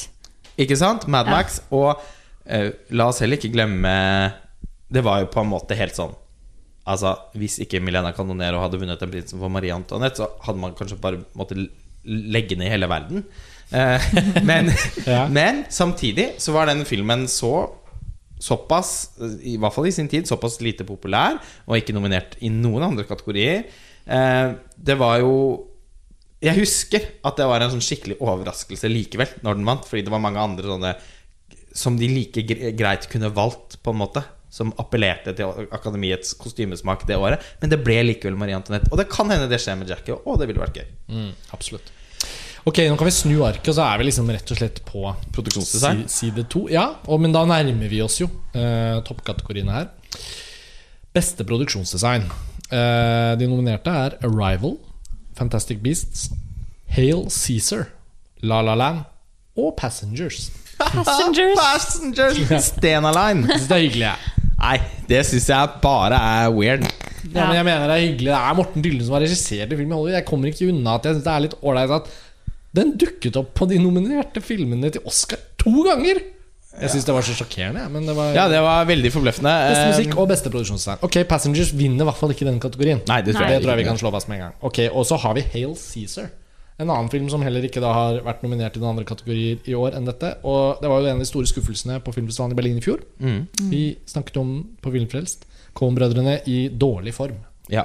Eh, Men så foregår den i Hollywood, og så er det en sånn film om å lage film. ja da, og og det, det er ikke noe galt med produksjonsdesignet. Nei, jeg skulle til å si det. Av alle ting den kunne blitt nominert for. Ja. Så føles Men- ikke det Ja, om noe så produksjonsdesign, men også kanskje mannlig birolle. Ja, Alden Ehrenreich. Ja. han var jo helt fantastisk. Han var det absolutt beste med filmen. Han hadde virkelig fortjent en birollenominasjon, Mm. men har da ikke fått Når han, når han som en skuespiller som spiller i westernfilmer, sitter på restaurant og lager lasso med en spagetti. Ja, det var bra. Spagetti. Og ikke Western. minst måten han evnet å spille Altså sånn være Lagene av uh, virkeligheter, på en måte. Ja, men altså sånn måten han liksom klarte å spille en skuespiller som spiller i en westernfilm, inni Ja. filmen på, det var virkelig imponerende. Veldig trist at han ikke har blitt glemt, tror jeg. Ja, så kommer han tilbake som forhold solo, da. Ja. Hail Cæsar, ja. Men han har jo ikke blitt glemt i Hollywood for noe. Nei, nei, nei, nei, nei, nei. men altså at den, de har på en måte oversett eh, den eh, prestasjonen der. Helt eh, greit at Filmen er selvfølgelig for dårlig til at den blir en stor Oscar. De har ikke gjort noen kampanje for den. Nei. Eh, Ok, Men da er det de tre andre det er snakk om, da. Egentlig. Ja, Det er La La Land, Arrival og Fantastic Beast. Uh, Stuart Craig sitt arbeid i Fantastic Beast er jo fantastisk. Eh, Hvor mange Oscar har han? ja. Altså, men, men han fikk jo ikke noen for, noe for noen av Harry Potter-filmene, selv om de har helt sånn rystende imponerende produksjonsdesign. Jeg, jeg føler liksom at jeg har sett han ta imot Oscar, men det har jeg kanskje ikke. Ja, Men han har vel fått for Engelsk pasienten, Ja. tror jeg. Nå skal jeg søren meg sjekke For det. det er Stuart Craig, er det ikke det? Jo, jo, jo. Og Skal vi se. Tre Oscar har han vunnet. Ja. Så det er ikke synd på Stuart Craig. men, eh, men altså, det blir vanskelig å, å undervurdere arbeidet hans. Arrival Ja, en lakrisbåt. Ja, hvorfor er den her? Altså, filmen har en veldig sånn distinkt look, eh, så jeg er ikke Altså, jeg ikke Jeg klarer, de jeg klarer ikke å motsette meg Når de transporterer seg inn i skipet der. Ja. Er Kombinasjonen av design foto ja. Ja, men det tenker jeg heller mer foto og spesialeffekter enn selve Det er i hvert fall sammensydd fra mange fagfelt her. Da. Og jeg, jeg syns det er såpass ikonisk og imponerende av en science fiction-film å klare å lage sitt eget science fiction-uttrykk som føles som bare tilhører den filmen. Mm. det er jo faktisk først og fremst i Norge vi har lakrispotter, Og jeg tenker jo ikke at eh, det er blitt sånn at eh, Arrival føles uoriginal for hele resten av verden bare fordi romskipene ser ut som lakrispotter. Jeg tenker det må være et sånt norsk-spesifikk da. Innsigelse mot Ja, filmen. og jeg syns det Eh, var tøft òg, med den liksom. lakrisbåtformen. Lakrisbåter blir aldri det samme etter Arrival. Um, men jeg tror jo her også at La La Land tross alt kommer til å seile Det tror jeg òg. Det tror jeg òg. gjennom. Ja. Så vi kan jo på en måte Vi trenger ikke snakke så voldsomt Nei, om og jeg må også si at jeg er ganske positiv til det, for jeg syns den filmen har veldig mye tøft eh, produksjonsdesign. Det er min Enig. favoritt, og den jeg tror vinner. Det er min Ja. storfavoritt på produksjonsdesign også, spesielt da pga. hele Planetarium-scenen og epilogen, når du ser hele reisen deres. Ja, Cred til Arrival fra min side, men tror La La Land vinner, og får vel kanskje håpe litt på det. da Selv om ikke det var min favorittfilm i fjor. Nå blir den jo en 2017-film for eh, årslistene, da men vi så den jo i Venezia i fjor. Og, og det er jo ikke det at La La Land er så forferdelig dårlig. Det er ikke nei, det nei. jeg mener. Når det høres ut som jeg alltid har sånn lavkokt temperatur på La La Land til nå i den podcasten og sånn. Det handler bare om at liksom den landet ikke der hvor den kunne ha landet. Nei, Eh, jeg har det jo veldig på samme måte. Altså, min, det- hoved, min hovedinnvending mot den filmen er egentlig bare at uh, jeg, jeg, jeg er veldig begeistret for den når den er skikkelig Når den er en skikkelig musikal. Den første halvtimen av La La Land syns jeg er helt fortryllende. Men så er det liksom én time og 20 minutter eller noe eh, hvor den Pernille rister på hodet. Men du utelater hele Planetarium-sekvensen. Den er helt nydelig. eh, Og jeg liker også de siste ti minuttene veldig godt. Men jeg, jeg bare Jeg syns den historien er så tynn og obvious, og dessverre liksom noen ganger litt teit, til jeg føler at den er tjent med å bli sunget. Eh, Og når det blir Når det er et langt strekk i filmen hvor den egentlig ikke er en musikal, hvor det er et romantisk drama med innslag av eh, sang, eh, så syns jeg bare ikke at det funker rett. Og jeg syns ikke kjemien mellom Ryan Gosling og Emma Stone er så magisk som mange syns. Vi er ikke ferdig med La La Land eh, ennå i podkasten, så vi kan jo fortsette Vi skal komme tilbake og du må Vi- holde et skal litt sånn snakke flammende innlegg, manus, Pernille, Og vi skal snakke litt om regi, og vi skal snakke Ja. litt om mange ting. Men Og Karsten, jeg har snakket om La La Land på podkast før, men du må ha et lite innlegg, flammende innlegg om den filmen til slutt. du kan velge deg kategorien. Stuart Craig vil jeg da bare si før vi forlater kategorien. Jeg slo det opp. Han ble nominert for beste Det het Art Direction den gang, da. Men produksjonsdesign for Elefantmannen. Vant for Gandhi. Nominert for The Mission. Tenk at han vant for Gandhi samme år som Blade Runner. Ja. det er helt utrolig! Men hør likevel, da. Er. Nominert for The Mission. Vant for Farlige forbindelser, eller Dangerous Liaisons. Nominert for biografifilmen Chaplin. Vant for Den engelske pasienten. Nominert for Harry Potter øh, og De vise sten. Nominert for Harry Potter og ildbegeret. Nominert for Harry Potter og dødstalismannene del 1. Nominert for Harry Potter og dødstalismannene del 2. Og nominert for Fabeldyr og hvor de er å finne i år. Ja, Stuart Craig, altså. Helt Han har, han har vært ute en vinternatt før. at han ikke vant Vunnet for noen av Harry Potter-filmene. Og vunnet litt mer enn Roger Dickens og Thomas Newman. Og så ville jeg til og med kanskje trukket fram at helt spesifikt så syns jeg nok produksjonsdesignet i eh, Harry Potter og Fangen fra Askaban, Harry Potter og Føniksorden Som og ble Harry. Potter og Halvblodsprinsen er de spesifikt mest imponerende. Og de ble ikke nominert. De han ikke ble nominert. Kjelleren på slutten der? Vi Ja. Skal vel videre til neste Ja. Det er bare min least favorite Potter-film. Um, og det er da beste visuelle effekter. Visual Bare- effects. Eh, vi må over dit. Og da er det Den jo slutten på Order of the faktisk Phoenix med disse svarte steinene. Jeg klarte Det faktisk ikke å komme videre til neste kategori. Det var utrolig. Da ble jeg, drømte jeg meg inn i. Stuart Eh, Craigs uh, Vi skulle hatt, sånn, vi skulle hatt en, sånn, en eller annen form for virtuell måte å trykke på anekdote liksom, Eller sånn fotnote, anekdoteknapp inni podkasten, sånn at du kunne liksom nå hoppe til det Ja. innlegget ditt. Og så liksom høre ti minutter Harry Ja. Potter, Lars Ole, og så komme tilbake. Ok, Visuelle effekter, eller Best Visual Effects. Eh, ofte omtalt som spesialeffekter, men det er visst feil. Spesiale, special effects er da fysiske effekter som gjennomføres på sett. Og visual effects er disse digitale etterarbeidseffektene. Og Fantastic Beasts er ikke nominert. De nominerte er Deepwater Horizon, Doctor Strange, The Jungle Book, Kubo and the Two Strings, som vi er inne på, og Rogue One. Eller A Star Wars Story, Rogue One.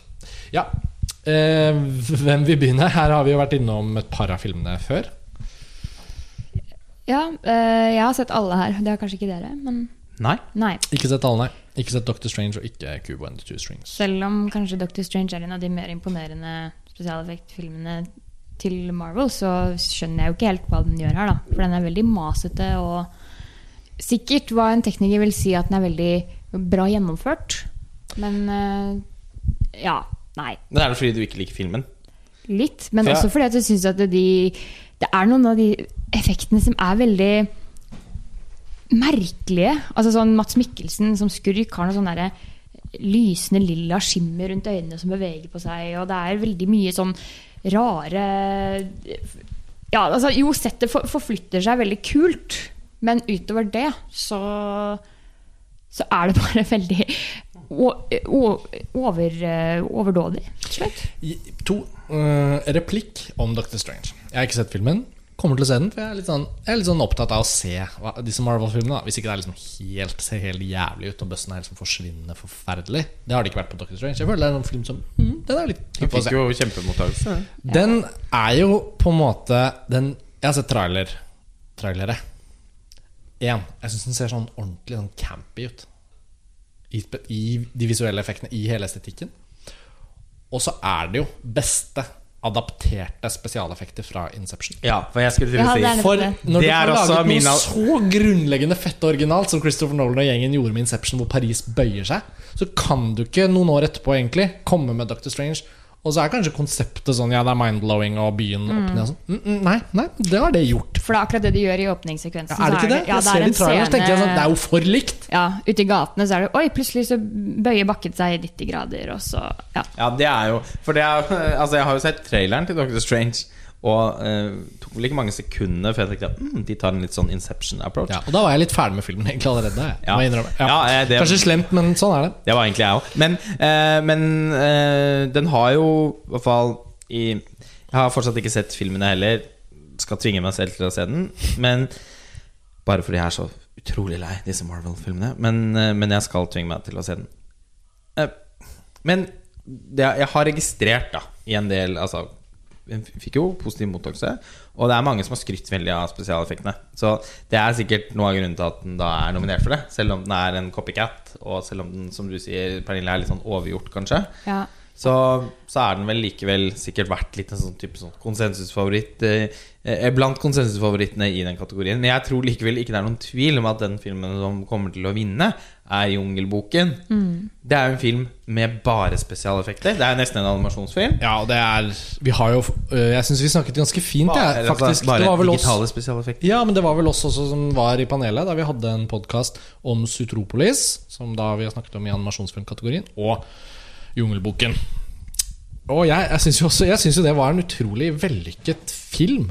Den er ikke en toppfilm, på en måte, men jeg likte den. Når jeg tenker tilbake på den, så tenker jeg faen, så bra laget den var. Og da går det jo faktisk veldig mye på dette møtepunktet mellom det vi kaller for visual effects og animasjon. Og det er jo interessant også i år, for å liksom gi bensin til den samtalen, at en film som er nominert til beste animasjonsfilmkategorien, også er nominert for visual effects. Ja. Og da The Jungle Book, som er i hermetegn en live action, ny, ny filmatisering av Jungelboken, egentlig er en animasjonsfilm-remake.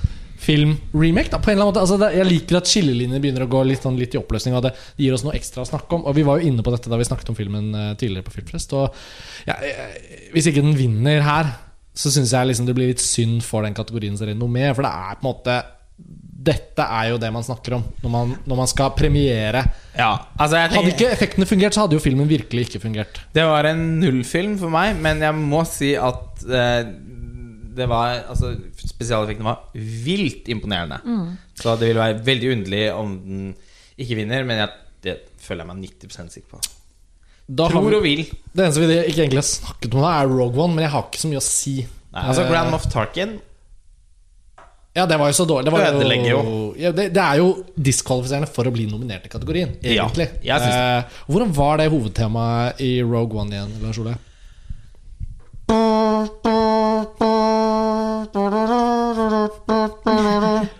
Case closed. det er for meg den aller beste måten Den å si Den skulle jo vært nominert til beste original score, selvfølgelig. Med de fantastisk spennende eh, Åh. luremusvariasjonene av Fin oppbygging. Åh, nei. Jeg likte de første to tredjedelene. Rogue One.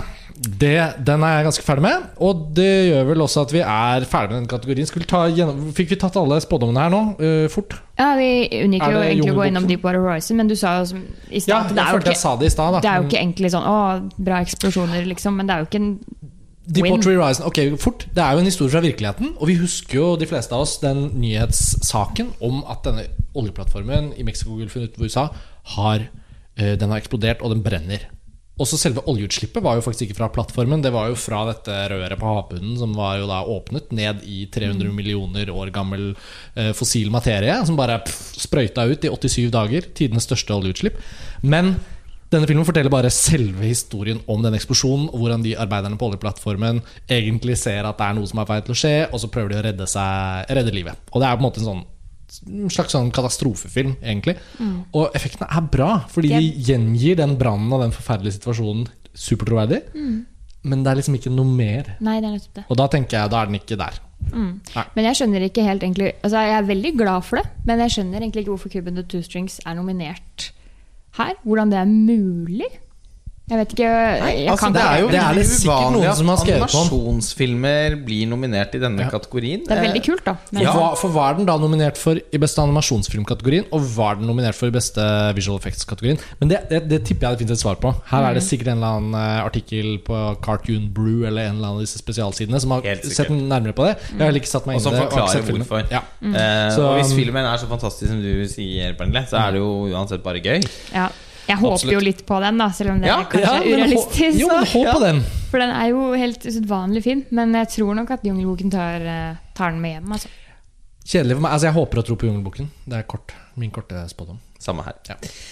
Ok, da Oh, begynner vi Vår å yndlingskategori. Ja, nå, nå begynner det, føler ja, altså Det er ikke det, det er mange av de er 1 time og 13 minutters oppvarming, og nå begynner Ja, det. for det er mange av de kategoriene vi har vært innom allerede, som også er gjeve. Ja. Men eh, stort gjevere enn kategorien for beste foto kan det jo ikke bli. Og de nominerte i år er Arrival, La La Land, Lion, Moonlight og Silence.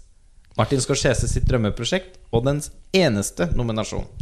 Ja, altså Jeg er helt enig i fotokategorien. Det har, sier det jo sikkert hvert år. Eh, Det er det er, en, det er jo på en måte film. det er jo, Hva er film, da, hvis det ja, ikke er bilder? og det er liksom noe med det. Og, og det har jo faktisk vært Det er litt sånn interessant også at det har jo vært eh, noen år nå hvor veldig sånn høyteknologisk, digitalt fotograferte filmer har tatt hjem Jeg del. vil jo først og fremst si at det har vært noen år nå hvor Emanuel Lubezki har Ja, vunnet. ja men han altså har han, vunnet tre år på rad! jo, men ikke sant, Birdman. han Birdman. Jo, men Birdman. Ja. Gravity. Ja. Revenant foregår ute i, i naturen og føles mye mer analog av den grunn. Naturlig lysbonanza. M- Men det er noe med liksom det digitale. Det er liksom sånn De har kommet utrolig langt. Det er fantastisk hva de kan utrette. Altså Gravity er jo teknisk sykt imponerende. Og Birdman og det er sydd sammen og one takes og hele den greia der. Men i år så ble det plutselig litt mer analogt igjen. ja. Silence skutt på film. La La Land skutt på film. Jeg tror faktisk også Arrival uh, er skutt på film. Uh, Moonlight er skutt digitalt, tror jeg. Lion vet jeg ikke. Men det er uansett uh, et år hvor man også tenker på filmene nå. Så føler jeg til og med Arrival som en science fiction føles som en veldig sånn stofflig, Ja. analog science fiction-film. La La Land har all den urbane følelsen av Los Angeles og alt det som vi kommer jo til å repetere og snakke mye om i den Og noen filmen. mesterlige one takes. Ja, absolutt. Musikalnummeret ja et etc. par fantastiske one takes i den filmen. Moonlight er jo en bitte, bitte liten film, egentlig. Altså En film som er laget på et sånn norsk spillefilmbudsjett. 1,5 millioner dollar. Uh, og den har tatt i bruk også veldig mye sånn sterk fargebruk og, og, og, og gjort veldig mye ut av det lille den har hatt for å skape en visuell egenart. Eh, Lion er jo da den jeg, jeg har ikke sett den, så jeg kan ikke si så mye nå. Jeg har ikke sett Silence, fordi den er på vei til å komme til Norge nå snart. Og det har heldigvis du gjort, Lars Ole. Jeg har sett og, Silence. og det er jo da, som du sa, så vi må kanskje starte der. Den må- eneste nominasjonen til den filmen. Og bare gi, gi oss litt Ja. om Silence. Nei, altså Jeg skal ikke si for mye om Silence, men uh, bortsett fra Jeg kan si at jeg likte filmen uh, veldig godt. Den er litt som å svelge ti gråstein. Altså Det er Martin Scorseses nye film. Ja. Vi sa vi ikke det, men hvis det er noen som er i tvil Ja, men den er altså så uh, lang. Det høres ut som en lidelse når du putter det på Ja, men det var det. den Ja, men det var litt en lidelse. Den er Den handler om lidelse. Ja. Eh, den er lang som et vondt år. Eh, den eh, er veldig langsom. Eh, Føles lenger også enn den er. ja. Føltes okay. som fem timer. Ja. Eh, og eh, Martin Scorseses Bale er Ganske ja. Men det er også den, Det er på en måte en litt sånn tenkende manns Eller tenkende persons Tenkende kvinnes torture porn. Altså, det er jo eh, ganske mange sånn lange, omstendelige japanske torturscener. Eh, det er også en film preget av stillhet, kontemplasjon. Eh, noen ganger så syns jeg ikke Scorsese lykkes helt med å skape en sånn, et ov noe overskridende. Men den siste timen av filmen er så god. Så at jeg føler virkelig at man får en payoff. Og For at man har sittet på den kirkebenken. Og det er Eh, bedre at den siste timen er god. ja. Hvis man skulle velge mellom den første eller den siste timen. totalt sett ble, ble det en veldig god film mm. for meg. Jeg skal snakke mer om den på et senere tidspunkt. Men Prieto er da Rodrigo Prieto, en av mine absolutte favorittfotografer. Og den mest kronisk undervurderte fotografen fra Oscar-akademiet. Utrolig nok, dette er et sånn klypse i armen-øyeblikk, har han ikke blitt nominert mer enn én gang tidligere for Brockmark Mountain. På tross av at han har fotografert ja, gi, oss, som gi oss kort nå oversikten. Spike Lees 25th Hour, Curtis Hansons 8 Mile, eh, Inaritus filmer Amores Perros, 21 Gram og Babel, eh, Julie Tamers Frida, som er Oh, den er bra, den. Ja, og for en, Altså, for en visuell musikk og- fest ja. Mm. den filmen er. Han har uh, fotografert en av de vakreste filmene til Pedro Almodovar, 'Brutte omfavnelser'. Uh, si hva man vil om filmens fortelling, men dens, altså, det er en av de all, visuelt aller vakreste Almodovar-filmene, syns jeg. Han har fotografert 'Lust Caution', Mm. som også ser helt utrolig ut. Fotografert 'The Wolf of Wall Street'. Altså, man kan jo bare Han ikke ble nominert der engang. Ja, Ja, men altså, det er bare- det er bare helt- Det er bare hoderystende. det er bare hoderystende Mm. at han eh, At han er så undervurdert. Jeg fatter ikke hvorfor. Han har jo også et spenn som er utrolig imponerende. Og veldig mange profilerte Og ikke minst da har hun fotografert Alexander til Oliver Stone. Ja, jeg, jeg skjønner ikke hvorfor du hoppet over den. Nei, den er jo hvordan kunne jeg? en slags personlig favoritt. Men Absolutt. det er vel et eksempel også på hvor mye bra han har gjort. Da. Ja, men altså Og det er så mange veldig sånn distinkte regissører som har valgt å jobbe med han. Mm. Uh, og han klarer Altså- faktisk å skape noe for de På tvers av regissører. Ja. Men likevel beholde et særpreg. Tenk Julie Tamer, for eksempel. Hun er så sykt klar på hva, hun, hva slags uttrykk hun er ute etter. Man ser det jo på tvers av de filmene hun har laget. Og, og Ang Lee på den andre siden, som er liksom en helt annen type. Og så Scorsese. Spike Lee, Scorsese, Ang Lee, Oliver Stone Ja. Uh, sånn, altså, Almodovar. Er, er det ikke æres-Oscar for Rodrigo Prieto snart? Helt enig. Men han er vel Takk og lov nominert. at han er nominert for Og er det også verdt en nominasjon, da? Eh, åh, ja. Ja. Altså, filmen ser jo helt fantastisk ut. Ja. Og uten tvil min favoritt i denne kategorien i år. Jeg kan ikke få sagt det nok hvor Nei. mye sterkere jeg syns arbeidet er i den filmen enn i noen av de andre. Eh, dog syns jeg også eh, arbeidet i Arrival er altså fantastisk. Og, uh, så det ville også vært en veldig verdig vinner for meg. Men jeg må også si at jeg er imponert over han Linus Sandgren i La La Land. Ja. jeg skulle til å si jeg ikke det. Foto er nok kanskje nesten til og med en av mine favorittelementer når man er forbi musikken og sånn og sånn. Altså, det er utrolig kult fotografert. Av mangel på et bedre adjektiv. Mm. Og imponerende utført. Bare sånn Hvis du tenker på åpningssekvensen, da, hvordan, de har liksom hvordan han og B-foto alt har beveget seg gjennom alle menneskene og bilene. På Ja, jeg, jeg føler når man. Musikaler på scenen, det er én ting. Da snakker man alltid om koreografi fordi det er koreografi. Men musikaler på film, der føler jeg at koreografien mellom det plastiske, altså selve menneskene som er koreografert, og kameraet og klippingen, og da hvordan dette komponeres sammen Selvfølgelig blir jo Damien Chazelles innsats her ganske formidabel, da. Men altså det at La La Land får det til å gå opp virkelig en høyere enhet, det er veldig mye som står og faller på denne svenske fotografen. da Ja, og spesielt da jeg må bare trekke fram et høydepunkt i den når det gjelder foto. I Someone in the Crowd-sekvensen. Da de begynner i leiligheten til Emma Stone, og de får, bare forflytningene, hvordan de har løst det med at de drar hjemmefra, kommer til denne festen, og så plutselig har en slags sånn der mannequin challenge-aktig greie med at folk står stille, og så plutselig hopper de ned i et basseng, og så snurrer de rundt 360 grader. Det er så fantastisk den sekvensen. Hadde hele filmen vært sånn, så hadde det vært en av mine favorittfilmer i år. Eh, det er ikke tilfellet for min del, da. Men eh, det er et imponerende arbeid. Og han er storfavoritt, så han kommer nesten garantert til å vinne, tror jeg. Og det kommer ikke til å gjøre at jeg blir sur. Nei. Jeg syns det er et imponerende arbeid, selv om ingenting ville gledet meg mer i løpet av denne kvelden enn om Rodrigo Prieto fikk en pris for seg. Og jeg tror ikke det er helt usannsynlig.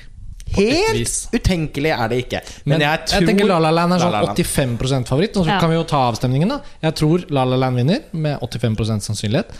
Eh, Så har jeg ikke sett Silence, da, men jeg rent sånn på Prieto-nivå så tenker jeg at den skal få de 15% med håp. Mm. Men ja, jeg må si Arrival altså, også. Vi må si det Ja, ja. når vi er inne på det. Det er jævlig bra film, og Ja. det er veldig bra foto. Og han Bradford Young, han tror jeg vi skal få se mer til. Veldig fine en enemy-tendenser i Arrival no, på noe av fotoet, syns jeg. Og dødsfint. Men altså, når vi er inne på denne kategorien her, så vil jeg si at Lion, en film som jeg likte veldig godt Mm.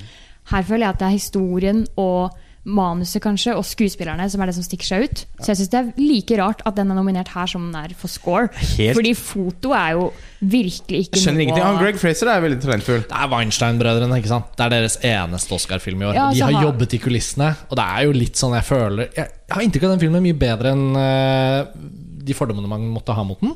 Og den, jeg gleder meg til å se den. Den er På et rent sånn sen filmnivå. Jeg er ikke laget av sten, så jeg gråt. Ja, jeg Eh. Ja. Men, eh, men jeg syns også samtidig den var litt sånn Tore på sporet i regi av Mark Forster. Ja, men sånn- Eh, den kunne vært laget av en maskin, på en måte, og, og den var, er så eh, bill, eller enkel i sin sentimentalitet at jeg klarer liksom ikke å akseptere den som en virkelig god film. Ja, men Samtidig så klarer den å ikke være manipulerende. Jeg føler at Den tvinger meg ikke til å føle noe. Selv om, men jeg gjør det jo, da. Men det blir liksom så umulig å ikke føle noe når, eh, når, når den har en sånn gjenforenings... Men, men jeg ble jo rørt av det, da. Herregud, jeg skal ikke holde Jeg, jeg syns det var helt fint å se den på kino. Rent Oscar-strategisk så må man si at Weinstein-brødrene som produsenter, særlig Harvey Weinstein, da, har jo vært en, en, eh, et sånt overmektig spøkelse i kulissene rundt mange Oscarsesonger. Kongens tale var jo på mange måter Weinstein-brødrenes store glansnummer i nyere tid.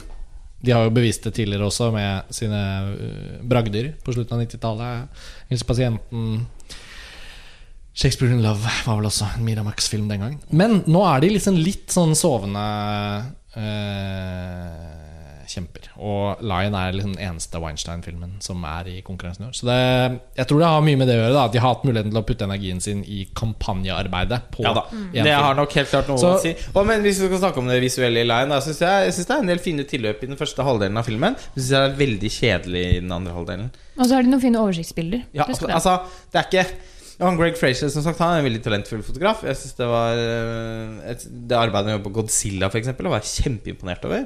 Eh, bra i Rogue One òg. Eh, kunne heller vært nominert for Rogue One enn for Lion. Eh, jeg bare Jeg skjønner ikke hva den filmen gjør der. Moonlight har Den første delen av Moonlight, som er den eneste delen av de tre delene i Moonlight som jeg liker, eh, har noe på sitt aller beste Noe nesten noe sånn Claire Denise-aktig i, i sånn impresjonistiske fotografiske uttrykk, som jeg setter veldig pris på. Eh, Syns også den visuelt blir Altså, jeg, jeg føler ikke helt at den blir tilstrekkelig spennende. Eh, totalt sett til å heller fortjene en nominasjon her. Men jeg har mindre problem med den enn med, med Lion. Nei, jeg synes også det Og de tre andre syns jeg er Ja. fullt fortjent. Ja, nei, jeg synes også det visuelle i Moonlight har, har, eh, har en sånn utforskende kvalitet som når det på sitt beste er veldig lovende. Jeg tenker sånn, Den gjengen der, fotograf, regissør, de har jobbet sammen tidligere, og de kommer sikkert til å jobbe sammen igjen. Og det, Kommer til å gjøre det er, jeg er veldig, veldig, håpefull på vegne av det som foregår der. Mm, Moonlight er jo på en måte også årets liksom vinner i form av at når, da den filmen ble laget, så tror jeg alle var veldig glad for at de hadde skaffet penger til å lage en film. Et manus de brydde seg om, en historie de ville se. Og så er det bare om å gjøre bare lage en best mulig film. Og så har jo på mange måter filmen bare rett og slett truffet en nerve, kommet inn rett sted, rett tid og fått et løft. Og det er jo ingenting så hyggelig som at masse ukjente, talentfulle folk får et sånt løft som dette. Og, kom, og vi kommer til å se masse mer til. Både eh, regissøren, Barry Jenkins, sikkert noen av de skuespillerne og fotografen. Klipp, altså sånn, det er en win-win-situasjon for en så liten film i utgangspunktet. Ja. Men når den da er i Oscar, altså når den står der side om side med Silence og Rodrigo Prieto og sånn, Eight Mile er jo en sinnssykt mye bedre fotografert film enn Moonlight. Oh, ja. Hvis du Ja. eksempel bare drar en sånn sammenligning. Da. Eh, så Moonlight er en bitte, bitte liten film, egentlig. Og den har aspekter som er veldig fint og veldig imponerende. Og jeg tror eksempel hvis dette var en film som var, ikke var på kartet engang, og som dukket opp på en liten festival, man hadde sett den, eh, og man så den og var sånn Oi! det var det mye Det var en imponerende amerikansk independent. Så hvorfor ser vi ikke mer av de her filmene? Det tror jeg virkelig Ja, det tror jeg. eh, Nei, For min del Men nå fargelegges den veldig av å være sånn vinterens absolutt mest bebøssede film. Ja. Og, og det er en stor Og amerikanerne går helt bananas. i sin Ja. Nå har jeg nylig lest noen artikler som liksom sier at ikke bare er den en av eh, eh, Ikke bare er den fjorårets beste film, det er faktisk en av de beste filmene noensinne. Ja. Og Jeg har hørt det før, ja, om sånne altså, buzzfilmer. La oss sånn. snakkes igjen om Jeg tror ikke vi trenger å vente ti år. La oss snakkes igjen om fem år. Så skal vi se om La oss den snakkes filmen på årslistepodkasten om Ja. eh, ni måneder. Om den eh, kommer til å stå seg. Eh, det er, jeg tror nesten det er farlig for den filmen Eller ikke farlig, ja. men det er bare sånn Jeg tror på en måte også at det er nesten litt kan nesten bli litt leit for den filmen at den får så Sånn nesten blind hyllest. Men det bedre- eneste som er kritiske til denne filmen i USA, er jo Arman White, som vel så vidt jeg vet er den eneste sorte homofile filmkritikeren i USA, og uh, Bretty Snellis, Uh, som flår den uh, på sin uh, podkast. Jeg er til dels uh, ganske enig med begge de mm, to. Eh, jeg har i hvert fall store problemer med særlig den andre delen av, av filmen, men eh, vi skal ikke kom, nå er det jo fortsatt mange kategorier. ja, Eh, vi skal ikke eh, bruke for mye tid på det. Filmklipp er jo neste meget tungtveiende kategori. ja, nå begynner jo veldig mange av de samme filmene på et sett og vis å dukke opp. Og så har historisk sett en kategori hvor veldig, som veldig ofte er en indikator for vinneren for beste film. Ja, for det, det som er interessant nå, er jo på en måte at vi, vi beveger oss i over i en kategori hvor f.eks. en film som Lion uteblir. En film som Silence uteblir. Eh, men noen av de andre filmene fra kategorien beste film er til stede. Og det, det, det du kommer inn på, er jo det vi har snakket om sikkert tidligere også, at det er, et mønster ofte da at hvis beste klipp og, uh, er der, så er den filmen også, har den jo også bedre muligheter. Samtidig, de siste årene har det jo vært veldig mange unntak Ja. fra den regelen. Flash vant for beste klipp, Mad Max vant for beste klipp. Mm. Uh, og for klippekategorien er det også morsomt sånn sett at det er Klippete filmer. Ja, At de ofte ender med å faktisk eh, belønne en sånn virkelig imponerende klippeprestasjon, uavhengig av om filmen er nominert til en drøss andre kategorier. Born Ultimatum er, er et eksempel. Um, um, The Matrix. Mm. Um, og og ikke Girl minst with the Girl with the Dragon Dragon Tattoo. En av de mest gledelige Oscar-øyeblikkene. Men la oss ta de nominerte, i hvert fall. Altså, Arrival er også nominert her. Hacksaw Ridge, Hell or High Water, La La Land og Moonlight. Og vi, jeg bare skyter det inn, vi glemte å si det, at liksom, fotografen til Arrival, Bradford Young, han er jo også da afroamerikansk, og var bare den andre gangen en sort fotograf har blitt nominert for beste foto. Og den andre gangen er jo en britisk fotograf, så sånn sett så for amerikanerne så var dette veldig gjennombrudd. Og også i eh, kategorien for beste klipp, hvor det tradisjonelt har vært ganske mange kvinner nominert, fordi det er veldig mange eh, bra klippere som er kvinner. Så er det da eh, en av klipperne på Moonlight, som har to klippere, eh, Joy Macmillan. Hun er den første sorte kvinne som er nominert i kategorien for beste klipp. Så det er sånn diversity-messig her, for å komme tilbake til det, så er det jo da Nok en gang sånn glassvegg som blir knust. Og det er gledelig. Og jeg syns ikke Moonlight er en dårlig klippet film. Jeg tror ikke det er en lett struktur å få til å funke.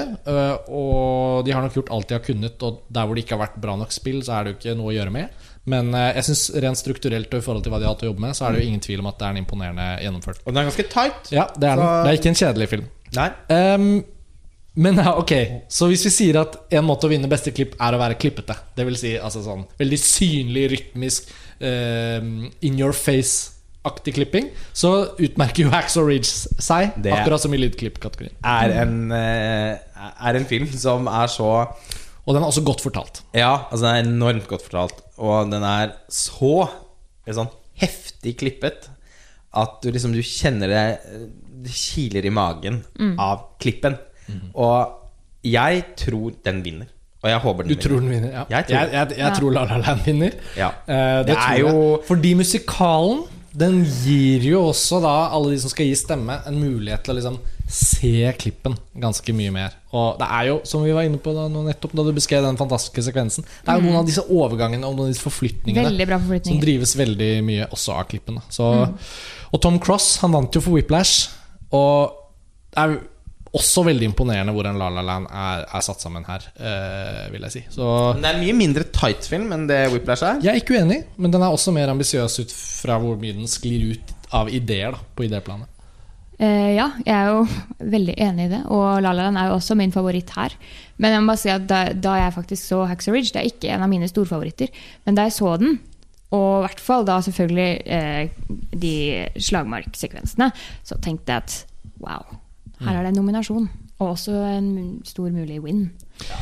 Den er helt fantastisk, og så kreativt klippet sammen. Ja. Og veldig sånn lite konvensjonell krigsfilmaktig, egentlig. Den er veldig, veldig altså sånn, Folk ville si at han glorifiserer vold, og det blir Altså, jo ekspesielt Gibson kan jo ikke få nok av vold. Han er Nei. så blodtørstig at uh... Man merker jo det spesielt da i klippet nå.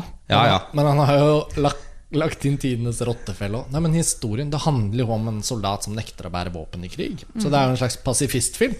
Bortsett fra at regissøren av filmen da syns jo vold er veldig spennende å skildre. Så da han kan alltid dra det kortet. Sånn, Ja, altså, det er jo en to For en merkelig eh, film Hacksaw Ridge er. Og den er problematisk. Eh, og det er noe sånn med den der, eh, nesten sånn reaksjonære kristenkonservative første biten som jeg på en eller annen måte ikke kan tillate meg selv å like, samtidig som jeg liker det fordi det er så godt fortalt. Og det er sånn Det, er sånn, Han det tror har noe ikke sånn på å gammel drepe andre mennesker. Du kan på en måte ikke få et bedre moralsk standpunkt. Nei, og jeg, jeg blir grepet av fortellingen, og jeg syns den første delen av filmen er litt sånn It doesn't make them like that anymore. Altså Ja. Kjemien mellom Andrew Garfield og Theresa Palmer er kjempegod. Veldig sånn enkelt uh, forklart. Eh, eh, forklart, sier jeg. Fortalt. Altså, det er ikke noe Det er en film nesten uten et eneste subtilt øyeblikk. Men den er så fengende. Eh, og det er en sans for historiefortelling og rytme der som jeg rett og slett blir veldig imponert over. Og jeg er jo, er jo veldig glad i Mel Gibson som filmskaper. Og eh, Vi hadde, ikke Ja, vi hadde jo en kjempe vi hadde en skikkelig runde med Axel Ridge da vi så den i Venezia. Vi hadde det. Den Bare spole seg tilbake. Og det, og det må sies da at John Gilbert, som har klippet Axel Ridge, han klippet altså 'Ringenes herre', 'Ringens brorskap', og vant ikke en Oscar den gangen. Så nå er det på tide. Så jeg føler jo også at man kan trekke det derre Nå er det faen meg på tide. Overdue. Ja, hvorfor ikke? Hvis du har klippet en av tidenes aller beste filmer. Så på en måte ja. Og Hacksaw Ridge er også fortjent, så jeg håper den vinner. Men jeg tror Jeg tror det blir La La Land. Jeg må bare innrømme det. Jeg tror det. Det er første gang vi er innom Hell or High Water. Ja, jeg skulle til å si det. Den glapp i vinter, og det er så leit å tenke på, for den har jeg skikkelig lyst til å se. Jeg har sett den. Ja, fyr løs. Du har sett den mest. Ja, kanskje. Føler jeg. Eh, Ja, det har du. men Uten eh, Og jeg ble litt skuffa over Hell or High- Water, faktisk. Det er nesten Fordi, første som sier det. Jeg føler på alle jeg nevner det først. Er sånn, ja, den var kjempebra. og den liksom. var på veldig mange topplister Ja, ja, ja. og ble hyllet Ikke så mye på montage, Men men- kanskje det er derfor jeg ble litt skuffa. Fordi det var jo en av disse overhypa filmene for min del. Jeg hadde liksom lest meg opp på mye av hypen før jeg så den. Å, dette blir bra, liksom. Jeg jeg er glad i Jeff Bridges, og Chris Pine er fin, han, liksom.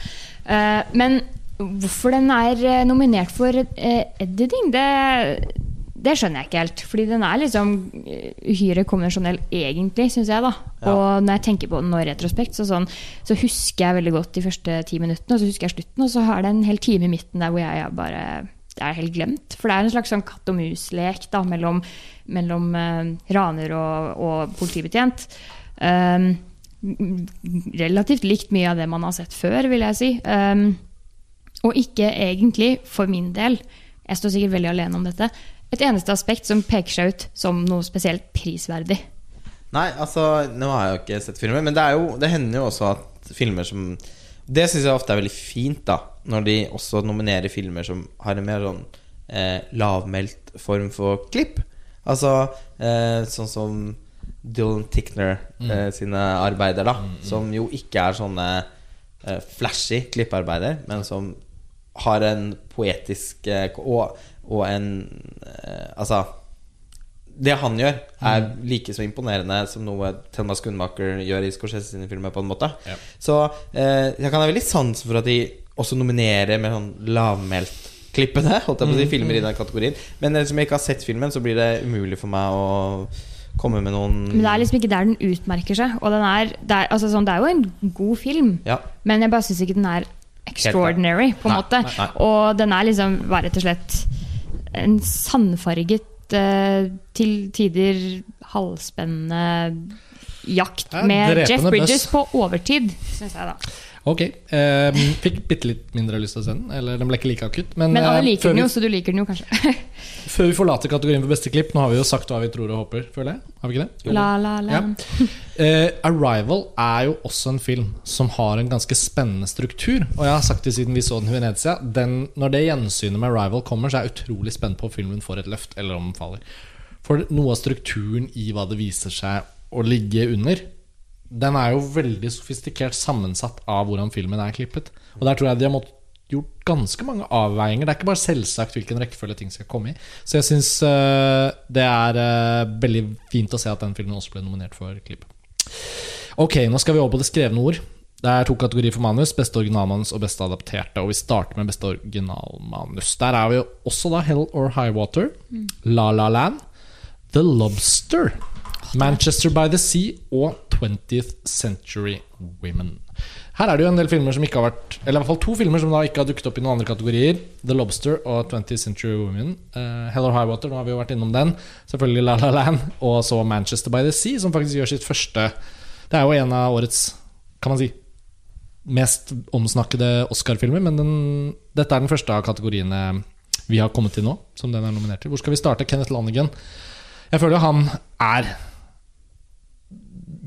hva skal man si, den um, rettmessige på en måte vinneren her, på et eller annet det plan. Synes jeg også. Han er jo virkelig en forfatter, og han har skrevet en film og laget en film som heter Margaret, som vi har vært innom tidligere, som er så fantastisk, og som ble totalt oversett eh, det året da den endelig fikk premiere, så mange år etter at den ble laget. Den historien har vi nå fortalt i podkasten om Manchester by the Sea, så det trenger jeg ikke gå videre inn på. Men nå har han laget en suksess. Manchester by the Sea gjør det bra på box-officen, og den er nominert i de viktigste kategoriene.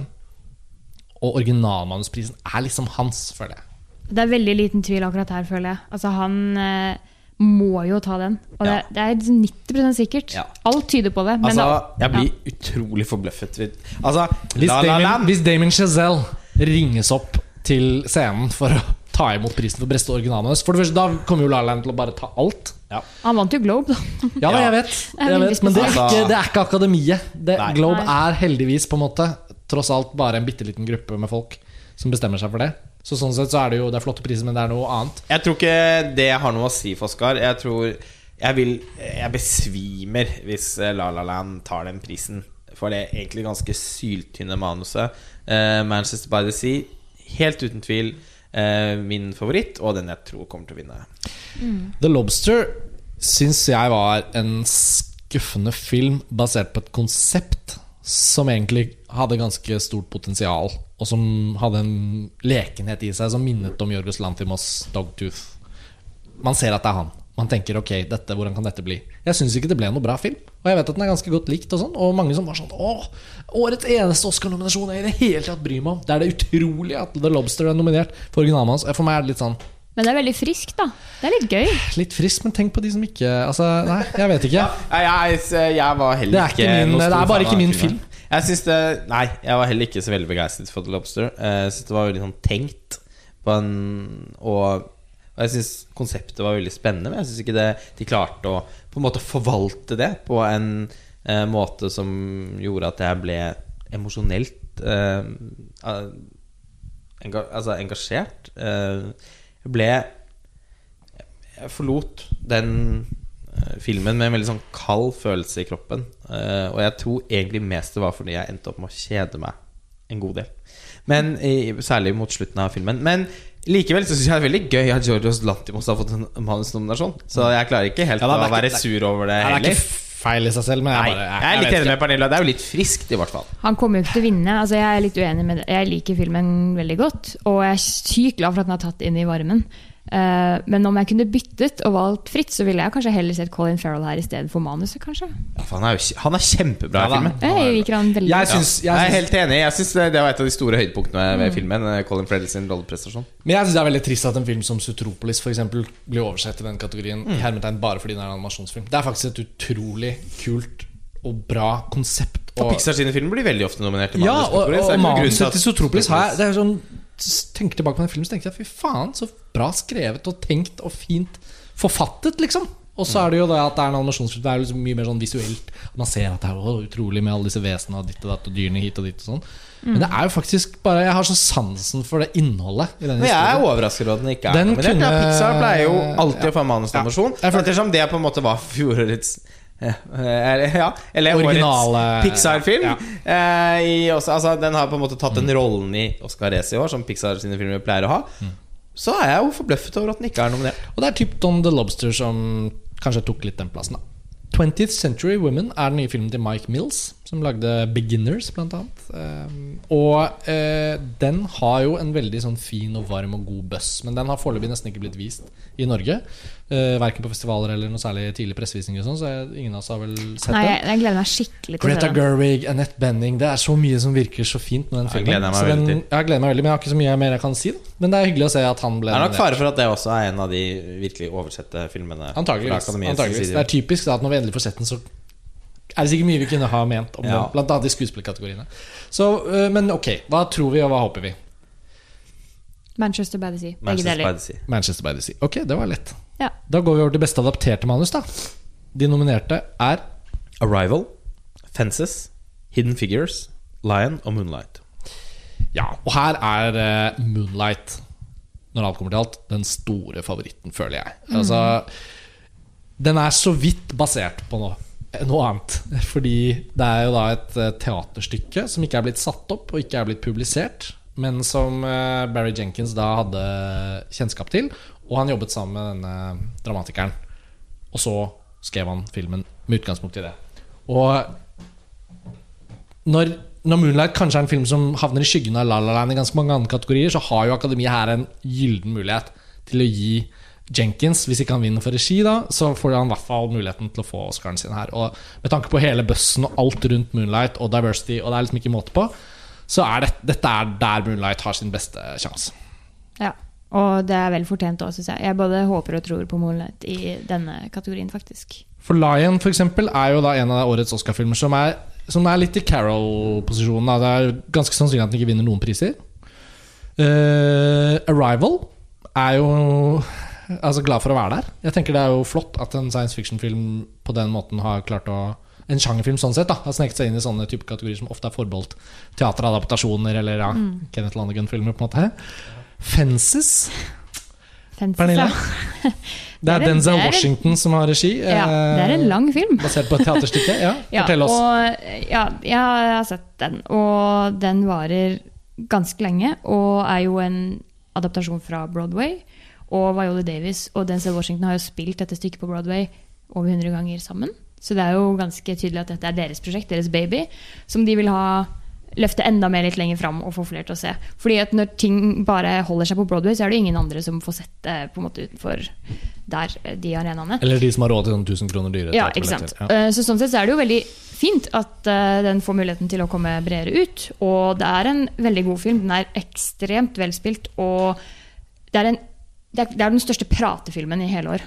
Det er så mye dialog. Jeg ser for meg at det er flere hundre sider manus. Det må det jo være. klarer den forflytningen fra teaterscenen over til et visuelt filmatisk uttrykk? Det er det den ikke gjør. Fordi den eh, foregår kun i huset til disse to, eh, de gifte paret, og i hagen deres. Foruten en bitte liten åpningssekvens på en søppelbil. Eh, og den er ekstremt teater. Altså sånn, Du ser det, og du føler det. Og spesielt da, altså fordi det er veldig mye fravær av musikk. Og veldig mye prating og veldig mye Man ender en setning ved at man går ut til siden av kameraet stirrer ut i intet. Og Litt som man ville gjort på scenen. ja, du ser nå når, når Denzel sitter og har en slags monolog for de andre i bildet på trappen, så ser du for deg at å ja, nå sitter han på scenekanten på Broadway. Det er veldig sånn. Og jeg føler at oi, det her har jeg lyst til å se på en scene. Fordi her er det, her er det mye. Og de har sykt mye på hjertet, og de er sykt flinke. Men det er ikke noe filmatisk over det. Jeg, kan ikke si at du solgte den inn sånn drithardt til meg Jeg ville ikke brukt over to timer i en kinosal på den. Nei, jeg har vært helt på gjerdet uh, når det kommer til Fences. Uh, så, sånn sett så føler jeg at den Men ja, den er adoptert av han som skrev teaterstykket. Og hvis han på en eller annen måte klarer å lure til seg større interesse fra akademiet enn Moonlight, så kanskje. Men jeg har jo Moonlight som er storfavoritt. Nei, jeg syns ikke Moonlight er en spesielt imponerende skrevet film. Det må jeg bare si. Favoritt er den jo først og fremst Først og fremst fordi den er, noen har bestemt at den er for alt. Ja, Fordi at så mange elsker den, eh, og, og ser mange flere kvaliteter i den enn det jeg klarer å gjøre. Eh, hva, ja, ja, klart eh, Min favoritt i denne kategorien er 'Arrival'. Det er en originalt tenkt og velskrevet film. Jeg syns manuset var noe av det mer sånn sp- det syns jeg utmerket seg. Man så, og den er på sett og vis også litt et kammerspill. Så eh, den, selv om den er aldri så audiovisuell, eh, så, så Så er det likevel en På en måte til å være en science fiction-film, da eller til å være en sjangerfilm, så er den eh, ganske dialogtung. Og eh, jeg må også se 'Arrival' igjen før jeg klarer å bli helt klok på hva jeg egentlig syns om den filmen. Men i, i denne kategorien i år Jeg forstår ikke hvorfor Moonlight er, Nei, hvorfor Lion er nominert. Uh, Hidden Figures uh, og Fences har jeg ikke sett. Så jeg har ingen egentlig noen Egentlig så har jeg ikke noen sterke følelser Nei. Virkelig sterke følelser for noen av disse filmene. Men min favoritt ville vel helt klart vært Arrival. Men jeg tror uh, Moonlight vinner.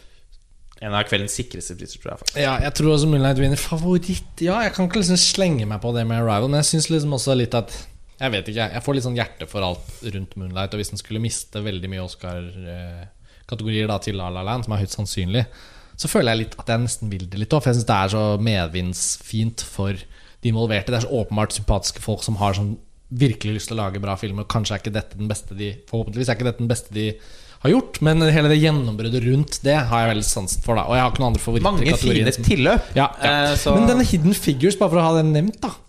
Lill Dark Horse her. Fordi Hidden Figures er da en film om øh, tre, i hvert fall, om ikke flere, men i hvert fall tre sorte kvinner som er matematikere i NASA, og som er avgjørende for romprogrammet. Men deres historie er veldig lite kjent, og dette er en sann historie.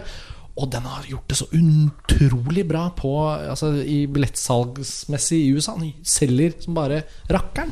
Og noen sånne filmer som ikke engang har nesten hatt premiere i Europa, og afroamerikanske historier er jo notoriske for å ikke kunne selge billetter i andre land enn i USA. Så der føler jeg liksom sånn Hidden Figures er kanskje en av de filmene som vi ikke helt har total oversikt over bøssen rundt, men som kanskje kan gjøre det bedre enn vi tror.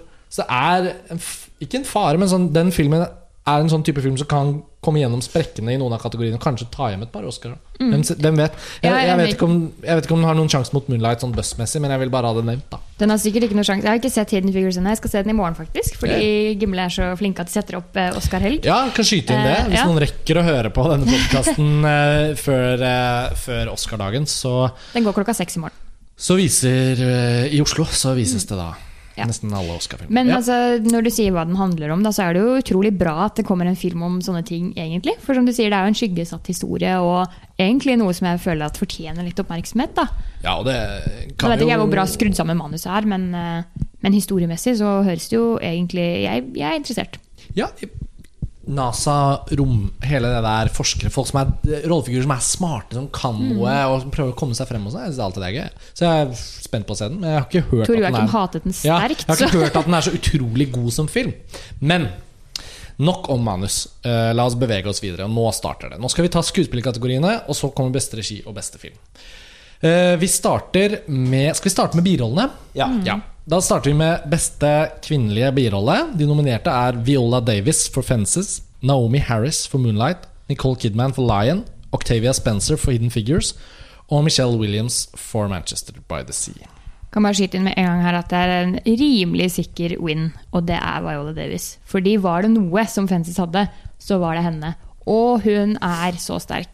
Det er hennes livsrolle, og det er kanskje ikke så vanskelig å komme dit, kanskje. Jeg har ikke sett, sånn, jeg har ikke sett alt hun har gjort.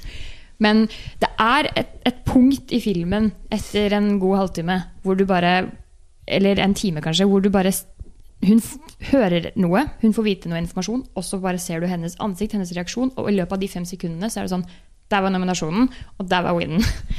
Hun er Ja. helt fantastisk. Ja. Og også Hun er en fantastisk skuespiller, Ja, jeg- eh, jeg er gleder, meg, jeg gleder meg veldig til å se den filmen, må jeg si, da, på grunn av Jeg at jeg er så glad i skuespillerne. Jeg gleder Ja. meg mer til å se takketalen til Viola Davis. For jeg, regner, det, er så, jeg føler denne kategorien Det er nesten sånn at hun har eid den siden dag én. Ja, men det er også litt altså jeg tenker sånn Takketallemessig så har hun jo på en måte gjort den et par ganger nå. Så det er jo Jeg syns det er gøyere med sånn Isabel Lubert og, og når sånne Når, Altså, når noen Ja, vinner men, hun, men hun er ikke nominert til beste Nei, men når, når noen går opp og vinner og ikke, virkelig ikke Ja. forventer det. Men Viola Ja. Davis tror jeg vet Gud det like mye. altså, Viola Davis i Black Hat Kom igjen, da. Altså, hun er hun, Eller i Suicide Squad. Ja, jeg, jeg bare Jeg bare Altså, Det er ikke Davis noe galt med henne i Black Hat, men det er bare Det er så herlig med, no, ja, men det er så herlig med noen av de skuespillerne som bare har Som bare har en sånn evne, i små eller store roller, til å bare liksom Alltid heve kvaliteten på en film. Og det gjør hun veldig mye. Fordi man hater den selv. Nei, hun løftet jo til og med kvaliteten på den eh, ut, utrolig Doubt. lavt og ekstremt nært, eller hva den Ja, heter. den, hun er i den ja, òg, ja, ja. ja. Ja, Der er hun ikke verst. Nei, hun var, noe, det var vel kanskje det spesifikt beste med den filmen, som, el, som i, ellers ikke var en spesielt god film.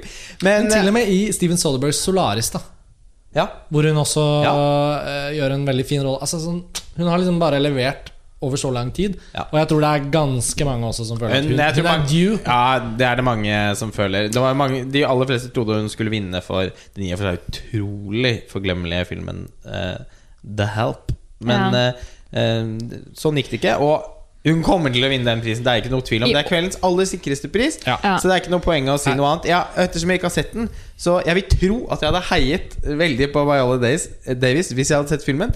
Men ettersom jeg ikke har sett den, så må jeg jo eh, bare heie på noen andre. Ja.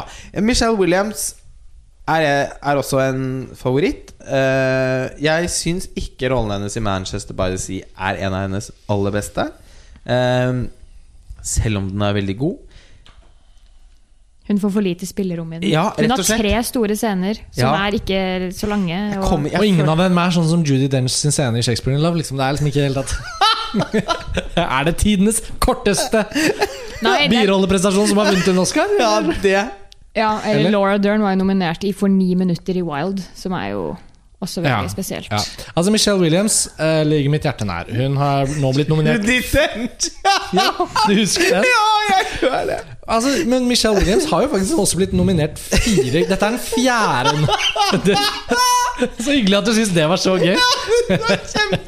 Ja, men Hun er ikke nominert i år, da. Eh, men uh, Michelle Williams Litt blind har hun ikke det, så det blir jo ikke noe mer Judy Dench. Hun skulle jo vunnet for Notes on a Scandal, den fantastiske filmen. ja, Men, den ja, men nå er vi på Michelle Williams. Og hun er jo ennå ung, men hun har blitt nominert fire ganger. Vi var inne på dette med at Amy Adams er robbed da i år. Hun er jo ikke nominert for, uh, for rollen i um, Arrival, og heller da selvfølgelig ikke Nocturnal Animals. Men Michelle Williams har blitt nominert. Nå er det fjerde gang. Hun har jo ikke vunnet. Eh, Hun begynner jo å bli litt due, hun òg. Brokeback Mountain, Blue Valentine, My Week with Marilyn. Den er jo litt glemt, da, men ok. Den var bra der.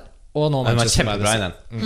Uh, jeg må bare Jeg jeg, har faktisk Jeg, jeg, jeg må merke nå at jeg Jeg tror jeg liksom et par-tre ganger i løpet av det siste året har klart å nevne Notes on a Scandal på disse podcastene. Jeg syns du nevner den en gang i Ja, måneden. ja, ja. Eh, Nå må jeg bare da uh, nesten fortelle lytterne at uh, den er for meg en av mine, Det er en av mine store guilty pleasures. Jeg syns altså det er en av de mest underholdende filmene som noen gang er lagd! Ikke en av de beste, på ingen måte, men stort mer underholdende. På en litt sånn trashy måte enn Notes on a Scandal. Det kan nesten ikke bli for meg. Og så skal jeg ikke si noe mer om den filmen. Ser du den en gang i måneden, eller hvordan er det? Nei da, men eh, jeg har sett den forbløffende mange ganger. Eh, d- Naomi Harris vi- i Moonlight. Eh, totalt endimensjonal rollefigur som jeg var helt uberørt av. Eh, og jeg følte ikke at hun fikk rom til å puste i den rollen. Så jeg var ikke imponert. Eh, Nicole Kidman i Lion, ja. Altså, kjempebra. Det var skikkelig forfriskende å se henne veldig glammet ned. Ja. Hun så ut som det hun var, en mor. Det er mye mødre i denne kategorien i år. Ja, det er. Viola Davis er vel Ja, hun ganske- er mor. Hun er mor. grepet av Nicole Naomi Kidman. Harris, Hun er mor. bare mor, men også crack addict eh, i Moonlight. Ja. Nicole Kidman, mor. Michelle Williams, mor. Mor. Og ekskone. ekskone. Octavia Spencer er vel den som får muligheten her til å være Nå har ikke vi sett Hidden Figures, da men hun er vel faktisk Hun er der for yrket sitt, for hun er vel matematiker i NASA. Så det er jo litt sånn flott, sånn hvis man først skal tenke at kvinnelige rollefigurer bør, bør skildres for Nå spekulerer jeg i at det er hennes rolle, da. Jeg regner med at det er det. Men det kan hende hun også er mor, da. Det er jo typisk. Da. Men av de jeg har sett, så er det faktisk Nicole Kidman sin rolleprestasjon som har Som du håper vinner.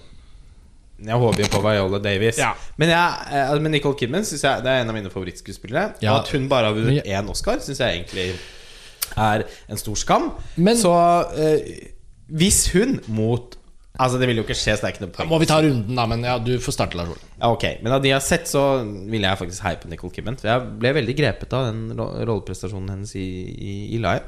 Eh, men det blir Viola Davis. Og etter å ha sett filmen er jeg helt overbevist om at jeg kommer til å være enig i at det er riktig valg. Det, eh, jeg tror det, og jeg håper da på Michelle Williams bare fordi at jeg liker å håpe på en film jeg har sett. Eh, men ja, det blir Viola Davis. Ja, jeg forstår hvorfor de har eh, puttet henne her i sånn for your consideration-type ting. At hun har puttet, puttet i en birollebolk, men hun er en hovedrolle.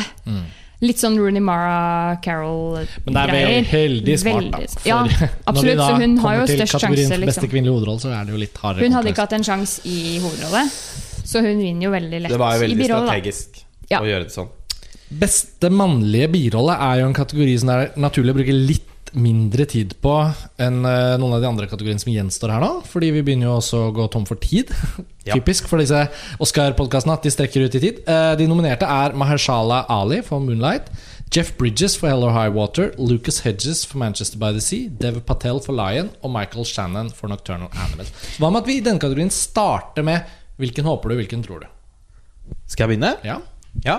Jeg tror at Mahershala Ali vinner for Moonlight. Og på tross av mine mange innvendinger mot den filmen, så håper jeg også at han vinner. Jeg syns han er det aller beste med Moonlight.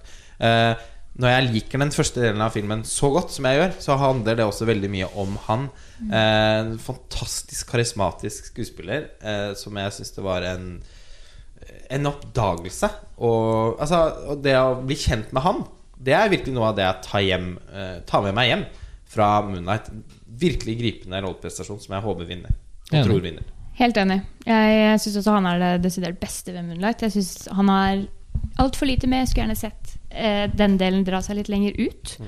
Han ble plutselig revet vekk veldig fort. Eh, men jeg tror veldig sterkt at han vinner, og jeg håper også det. Selv om en av mine veldig runner-up-favoritter er Lucas Hedges i Manchester by the Sea. Helt enig i det, da. Da kan jeg plukke opp den tråden, fordi eh, jeg syns Jeg tror Mahershala Ali vinner, og jeg tror Det er på en måte Du sa det jo perfekt, jeg er bare enig, Lars Ole. Det er den riktige måten å gi en honnør til Moonlight på. Akkurat som jeg føler at det adapterte manuset og måten å liksom anerkjenne film på øh, føles som de kategoriene hvor det er riktigst. da Men Lucas Hedges som den unge nevøen og han som akkurat har mistet faren sin i Manchester by the Sea, det er sånn genuint imponerende. Mm. Altså Han spiller jo vanskelig scene etter vanskelig scene, og han klarer å aldri dra det for langt eller gjør det for minimalist. Altså Casey Affleck står alltid i fare for å være så innadvendt i spillet sitt at han nesten forsvinner. Og Lucas Hedges har på en måte Han har blitt gitt Og han har gitt liv til en rollefigur som har fått en sånn tenåringskarisma som er veldig sånn smittende og herlig for filmen. Da. Han er liksom det bankende hjertet litt oppi all sorgen. Uh, og og jeg tror at uh, han ikke kommer til å vinne, men jeg tror vi kommer til å se mer til han. Og det er veldig gøy å se at han har fått sin første nominasjon. Han er liksom sikkert i gang med å etablere en karriere som, eh, som, eh, ja, som vil, uh, han vil få se mer til. Jeg syns det ble litt for mye med den frysescenen, men uh, ja. Men Når de leter etter bilen og går og er kalde. nei, når han eh, får et sånt uh, For ja, ved fryseren, ja. Ja, ved Fryseboksen. fryseren, Ja, ja, ja, ja. hvor, uh, ja, Nei, jeg syns ikke liksom det var så mye. Jeg synes det var veldig bra. Ja, det, det, ja, det ble jeg grepet av. ja, eh, ja. Men utover det så syns jeg han var helt eh, så perfekt som han kunne blitt. Ja, enig. Og vet du hva? Altså, han, han er på en eller annen måte en, egentlig en like stor personlig favoritt som han Mahershala Ali. Eh, og begge to er sånn oppdagelser. Nye skuespillere som man gleder seg til å se mer av. Så hvis Altså Men, ja, eh, Mahershala Ali er ikke like ny, kan man si. Eh, Jeg føler han er litt sånn mer sånn Altså nå er det jo ikke alle som har sett sånn House of Cards, sånn, men han har jo han har gjort seg veldig gjeldende i en del. Han er også med i Hidden Figures, og han har på en måte bygd seg opp med, med små roller her og der. Men dette er jo en såpass ukjent ja. skuespiller Ja. at det er jo definitivt gjennombrudd. Er- Men han er mye lenger inne i karrieren sin. Altså sånn sett Kanskje Oscaren får en større betydning. Hvis Lucas Hedges hadde fått en Oscar nå, da hadde han nesten blitt hemmende, tror jeg. Ja. Ja. Men, eh, men uansett, begge de to er eh, utmerker seg i denne kategorien. Jeg syns Aaron Taylor Johnson burde vært nominert for Ja, Animal Animals. hva Michael Chan Shannon gjør her, skjønner jeg Tidenes mest hårreisende uttalelse. Eh, Ja, stemmer Aaron. Taylor Johnson skal ikke bli nominert for noen ting. Eh, Lytterne våre en av de mest vet- overvurderte skuespillerne i Karsten, all, all Hollywood-cast. Aaron Taylor Johnson er så grusom at filmer blir drept når han er med i dem. Eh, Ja, så, jeg orker ikke å gå inn på en lang argumentasjon. men du kan ikke si at han var for dårlig i Nocturnal Animals. Jeg vil si at jeg ikke syns Nocturne, Jeg syns ikke Nocturnal Animals skal bli nominert til noen ting. jeg. Nei, det er, det er nok i og for seg enig men hvorfor skal vi snakke om at den må være nominert Men heller han er Michael Shannon, Ja, tenker jeg. heller han er Michael beste Shannon. mannlige birolle? Michael Shannon har spilt den samme rollen i alle filmer. Ja, jeg er sier ikke at han er så utrolig bra der, men sånn, det må da være mange andre kandidater som heller kunne vært nominert der. Det er jeg jo enig i, da. Altså Ta Silence, for eksempel. da Er Ja. ikke det en film med helt utrolige Altså- skuespillerprestasjoner? da? Det er jo helt forferdelig at ikke Så Andrew Garfield i den har fått en Ja, og, og Adam Driver skulle hatt en birollennominasjon for Silence. Det er en tragedie at han ikke har fått det. Ja, og det er jo bare, Vi kan jo bare lete Vi skal ikke gå inn på de Ja, bra men han fra birollene Hail i kunne vi bytta ut. Ja, det hadde vært Ikke minst. Ja, det, jo, for men det har, og det hadde virkelig vært for en. Ok, det er kanskje en Eller han, han onkelen i Kammerpiken kunne vel også gjort seg der i denne kategorien. Jo, men altså, altså Hvis man Hvis vi først begynner, ja. Men uh, poenget er i hvert fall at Poenget mitt er at Nocturnal Animals i hvert fall ikke hadde trengt noen nominasjoner Nei, Hvis de måtte nominere noe fra Nocturnal Animals Amy Adams. Ja, enig. Men nå er obstruerer jeg. Beklager. beklager, Men, beklager. men da syns jeg faktisk Aaron Taylor Johnson som vant Golden Globe, da. Jeg synes Han ville vært mye mer naturlig å nominere Ja, her enn Michael Channel. Shannon. Dev Patel i Lion, veldig bra. Veldig bra. Ja. Og så glad for at han er en birolle og ikke en hovedrolle, fordi han Ja. er ikke en hovedrolle. Og jeg er blant de, føler jeg, relativt få gjenværende som eh, helt uforbeholdent elsker Slumdog Million- Millionaire. Men jeg har aldri syntes at han var det beste med den filmen. Eh, og i det hele tatt har han vært en skuespiller som jeg har vært litt uinteressert i. Men etter Lion må jeg si at jeg eh, Vi begynner på ny frisk. Det var Ja. veldig bra. Ok, Skal vi si at vi er da ferdig med kategorien for beste mannlige birolle? Så skal vi over på hovedrollekategoriene. Og da strammer det seg jo til. Um, vi får begynne på beste kvinnelige hovedrolle. Hva skal vi si? Det er jo liksom en av de kategoriene som har da på en måte reddet L. Eller det er den kategorien som er reddet til. Og det er jo en film som vi var inne på i forhold til beste ikke-engelskspråklige film, men som vi har snakket om siden Cannes-festivalen i fjor, en av de virkelig store filmene som har kommet, liksom, om ikke det siste kalenderåret, så i hvert fall ved å ha norsk premiere nå rett rundt hjørnet, så får den jo også noe ut av denne Oscar-nominasjonen til Isabel Huppert. Ja. Og eh, jo Det er jo en av de filmene som virkelig kan bruke dette til å nå et større publikum, og det er gledelig, fordi ja, som jeg har sagt mange ganger før Hvis det kommer en bedre film enn L i løpet av 2017, da besvimer jeg av glede. Tror jeg ikke skjer. Eh, ja. Ja, jeg må jo bare bare si at jeg kommer til å sette pris på dette til den dagen jeg dør. At jeg fikk den opplevelsen med å se El i Tromsø med dere. Og det var en av de bedre kinoopplevelsene jeg har hatt i kanskje hele mitt liv. Så herlig, da! Jeg var veldig glad selv, jeg, for jeg hadde jo ikke sett den før. eh, Og det å se den der i Tromsø, det var bare Ja. Jeg så den jo to ganger, og det er en fantastisk film. Og til alle lyttere, den går på kino i Norge fra 3. mars. Det er nå i forbindelse med Oscarsesongen at en film som det virkelig kan stige i overflaten også i Norge.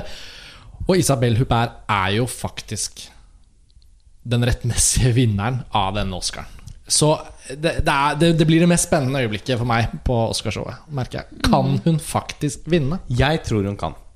Eh, det er jo eh, Emma Stone som er storfavoritt for La La Land. Jeg syns ikke det er fortjent, for jeg syns det er Natalie Portman. Uh, Av, av amerikanerne. I Jackie. Som er eh, Som hvis det ikke var for Isabel Huppert, så ville min stemme gått til henne. Jeg syns det er en mye mer imponerende prestasjon enn det Emma Stone gjør i La La Land. Jeg syns at beste kvinnelige eh, hovedrolle i år er en dypt fascinerende eh, bolk. Fordi her er det to kandidater som er så til de grader skyggesatt av tre andre frontrunners. Vi får da- ta nominasjonene. Vi glemte jo å lese de opp. ja. Ok, Isabel Luper for L. Ruth Negga for Loving. Natalie Portman for Jackie. Emma Stone for La La Land. Og Meryl Streep for Florence Foss Jenkins. For dette er jo også et Meryl Streep-år. Ja. Hvilke to er det du mener er i stilleste skyggen? jeg, jeg føler litt at det står mellom tre. Altså Ja. sånn, det virker som at det er veldig mange som håper på å holde med Natalie Portman for Jackie. Men det er ikke så lenge siden hun vant en pris, så det virker kanskje litt mer fjernt. Og hun er kanskje den som fortjener det mest på noen punkter. Og Ja. jeg er veldig, jeg, hun er en sterk favoritt, men så står hun opp mot Isabel Hubert og Emma Stone, som da også er favoritter. Men det er ingen som prater om Ruth Nega, og i hvert fall ikke Meryl Streep. og Nei, jeg må de er helt er bare, det skal være veldig glad for å og det føles så herlig at for en gangs skyld så er Meryl Streep kanskje fjernest fra å vinne. ja, altså, men altså, det, det skal sies uh, Meryl Streep-historikken er jo uansett sånn at hun vinner jo veldig Hun har jo klippekort. Hun er, ja, hun har vunnet, men hun har bare vunnet tre ganger, selv om hun har vært nominert altså så mange ganger. Da. 140 ganger? Ja. Eh, og jeg irriterer meg som regel grønn over de Meryl Streep-nominasjonene, fordi jeg føler at de bare er på automatikk. Men jeg må innrømme at for meg personlig så var rollen i Florence Foster Jenkins den beste hun har gjort på lenge. Der syns jeg faktisk hun var ordentlig morsom. Og hun, hun synger som en kråke. Så jeg syns hun har vært helt jævlig i Mamma Mia uh, og, og sånn Into the Woods, og sånn hvor hun liksom skal synge. Uh, men her kastet de rollen som en slags Olga Marie Mika den internasjonale Olga Marie Michaelsen. Så syns jeg hun passet utmerket. De skrålene hun lirer av seg i løpet av den filmen. Jeg syns det var ganske mye humor i det. Som jeg sa til deg her om dagen, Lars Ole, nå føler jeg litt at det er farmoren i deg som prater. Fordi jeg personlig kunne ikke fordra den filmen. Og Nei, jeg jeg, vet vet at jeg ikke er alene om det. Jeg kommer aldri til å se den, det er jo skrevet i stein. eh, Og jeg er helt enig i din analyse av at vi, vi tross alt snakker om et Det er et veldig bra hit. Altså Det ble snakket om tidlig i fjor høst. Allerede aldri da. se denne filmen. Jeg skjønner ikke hvorfor den Allerede er i så, høst Hvorfor er det så, så mye hat for den filmen? Det Jeg er, er ikke interessert. Det er egentlig Ja, min argumentasjon. helt enkelt. Men det er jo så morsom. Og Den er ikke så morsom, Karsten. Hugh Grant da, gjør jo en kjempefin rolle, syns jeg. Han hadde fortjent en birollennominasjon. Han var en av forhåndsfavorittene òg. skal jeg fortelle deg hvorfor jeg ikke skal se den? Fordi det er Jeg ser, jeg ser at den har sånn puteflauhet skrevet over hele lerretet. Og nå skal dere følge en historie om en dame som liksom faktisk ikke kan synge, men så får hun synge likevel. Og når hun står der foran publikum, og det er litt sånn stygt, så er det rørende fordi vi har fulgt hennes reise. Nei, det er ikke for meg. Men det er ikke, det er, Nei, okay, men det er ikke en riktig oppsummering av den filmen. Det er jo litt det som er Nei, historien. fordi det, er det er jo et vanvittig maskineri rundt henne som skal holde, i, altså, som skal holde oppe denne fiksjonen. Eh, om at hun selv skal oppleve at hun er en stor sanger. Alle de andre er klar over at hun ikke er det, og ler veldig mye bak hennes rygg. Det er Men jo, skal- høres jo ut som Idol og X-Faktor og alt det, den typen TV-programmer som jeg aldri har interessert meg for. Men det er jo bare greit å gjøre den historien fordi det er sant. Det er jo bare greit å gjøre den historien fordi det er sant. Du hadde Du jo har aldri ikke vekk kjøpt 10 det der. av skepsisen min, men med 90% så har jeg mye kapital for å velge den vekk i fremtiden også. Men altså nå er, er dette noe liksom har jeg, har det, har, Er dette noe jeg ikke har fått med meg? Jeg trodde dette var ganske Jeg så den og syntes den var veldig fornøyelig. Ikke noe stor film, eh, men fornøyelig. Jeg trodde dette var en film som hadde fått ganske god mottagelse. Altså, jeg Ja, ja. snakker ikke for Og noen Frears, jeg syns han er veldig stødig i filmskapet. Filomena, kjempebra. Ja. Og skjedde med Judy Dench der. Men jeg bare snakker ut fra min egen preferanse. Jeg bare ser at alt ved den filmen oser av sånn Når blir den førstevalget for en film jeg skal se? Og da kan jeg bare raskt si jeg trodde, jeg trodde også setningen min 'den skal jeg aldri se' var tre sekunder for å komme videre til noe annet jeg hadde tenkt å si. Men hvis det betyr så mye for deg, få høre litt mer. Hvorfor er Florence Foster Jenkins en film man bør velge når man står overfor filmer man ikke har sett? Nei, det vil jeg ikke påstå. Jeg syns det var en film som var enkel å velge en søndag på kino. Eh, men i motsetning til, eh, til mye Altså Det er den første rollen på lenge til Meryl Streep, og jeg syns hun har brukt sitt komiske talent, som hun har, Ja. på en god måte. Mm, Eh, Devil, Devil Wears Prada er kanskje den Forrige. den forrige. Mm. Ja, det syns jeg er helt fantastisk. Eh, og eh, her, det var faktisk så jeg tenkte Den rollen her tror jeg ikke noen andre kunne spilt bedre. Den eh, det, Bare det at filmen handler liksom om illusjonsskaping, og at det er dette vanvittige maskineriet rundt henne som gjør alt de kan for, at, for å ikke bryte den illusjonen. Hun er en veldig rik dame. Eh, hun har syfilis.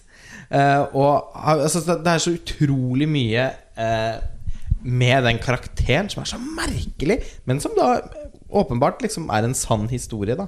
Eh, og jeg syns det var veldig morsomt. Jeg syns det var mye humor i hvordan de hele tiden liksom måtte måtte eh, streve for å, for å opprettholde den fiksjonen. Da. Og hvor utrolig sårt det var når, når det til slutt, slutt også blir avslørt for, for henne. Det syns jeg faktisk var ikke dypt gripende, men litt sånn Ja, så fælt. Det er jo selvfølgelig veldig interessant at dette faktisk har skjedd. Ja, det og spesielt og merkelig og For en historie! En historie det går an å lage en film relativt unødvendig. Men det betyr jo ikke at man liksom lar seg underholde av dette her i to timer av den grunn. Virkelig ikke. Det, jeg, føler, jeg føler at dette er klasseeksempler på en sånn biografisk film som bare virkelig ikke trenger å bruke to timer på. Jeg, Jeg trenger ikke å vite om det. Jeg syns det var så sånn- ukjedelig. Jeg synes, og jeg syns, jeg syns Hugh Grant var ordentlig herlig som hennes mann. Eh, Jeg syns det var en veldig morsom kjemi mellom de to. En annen ganske morsom birolle i filmen. Jeg vet ikke hva han skuespilleren heter.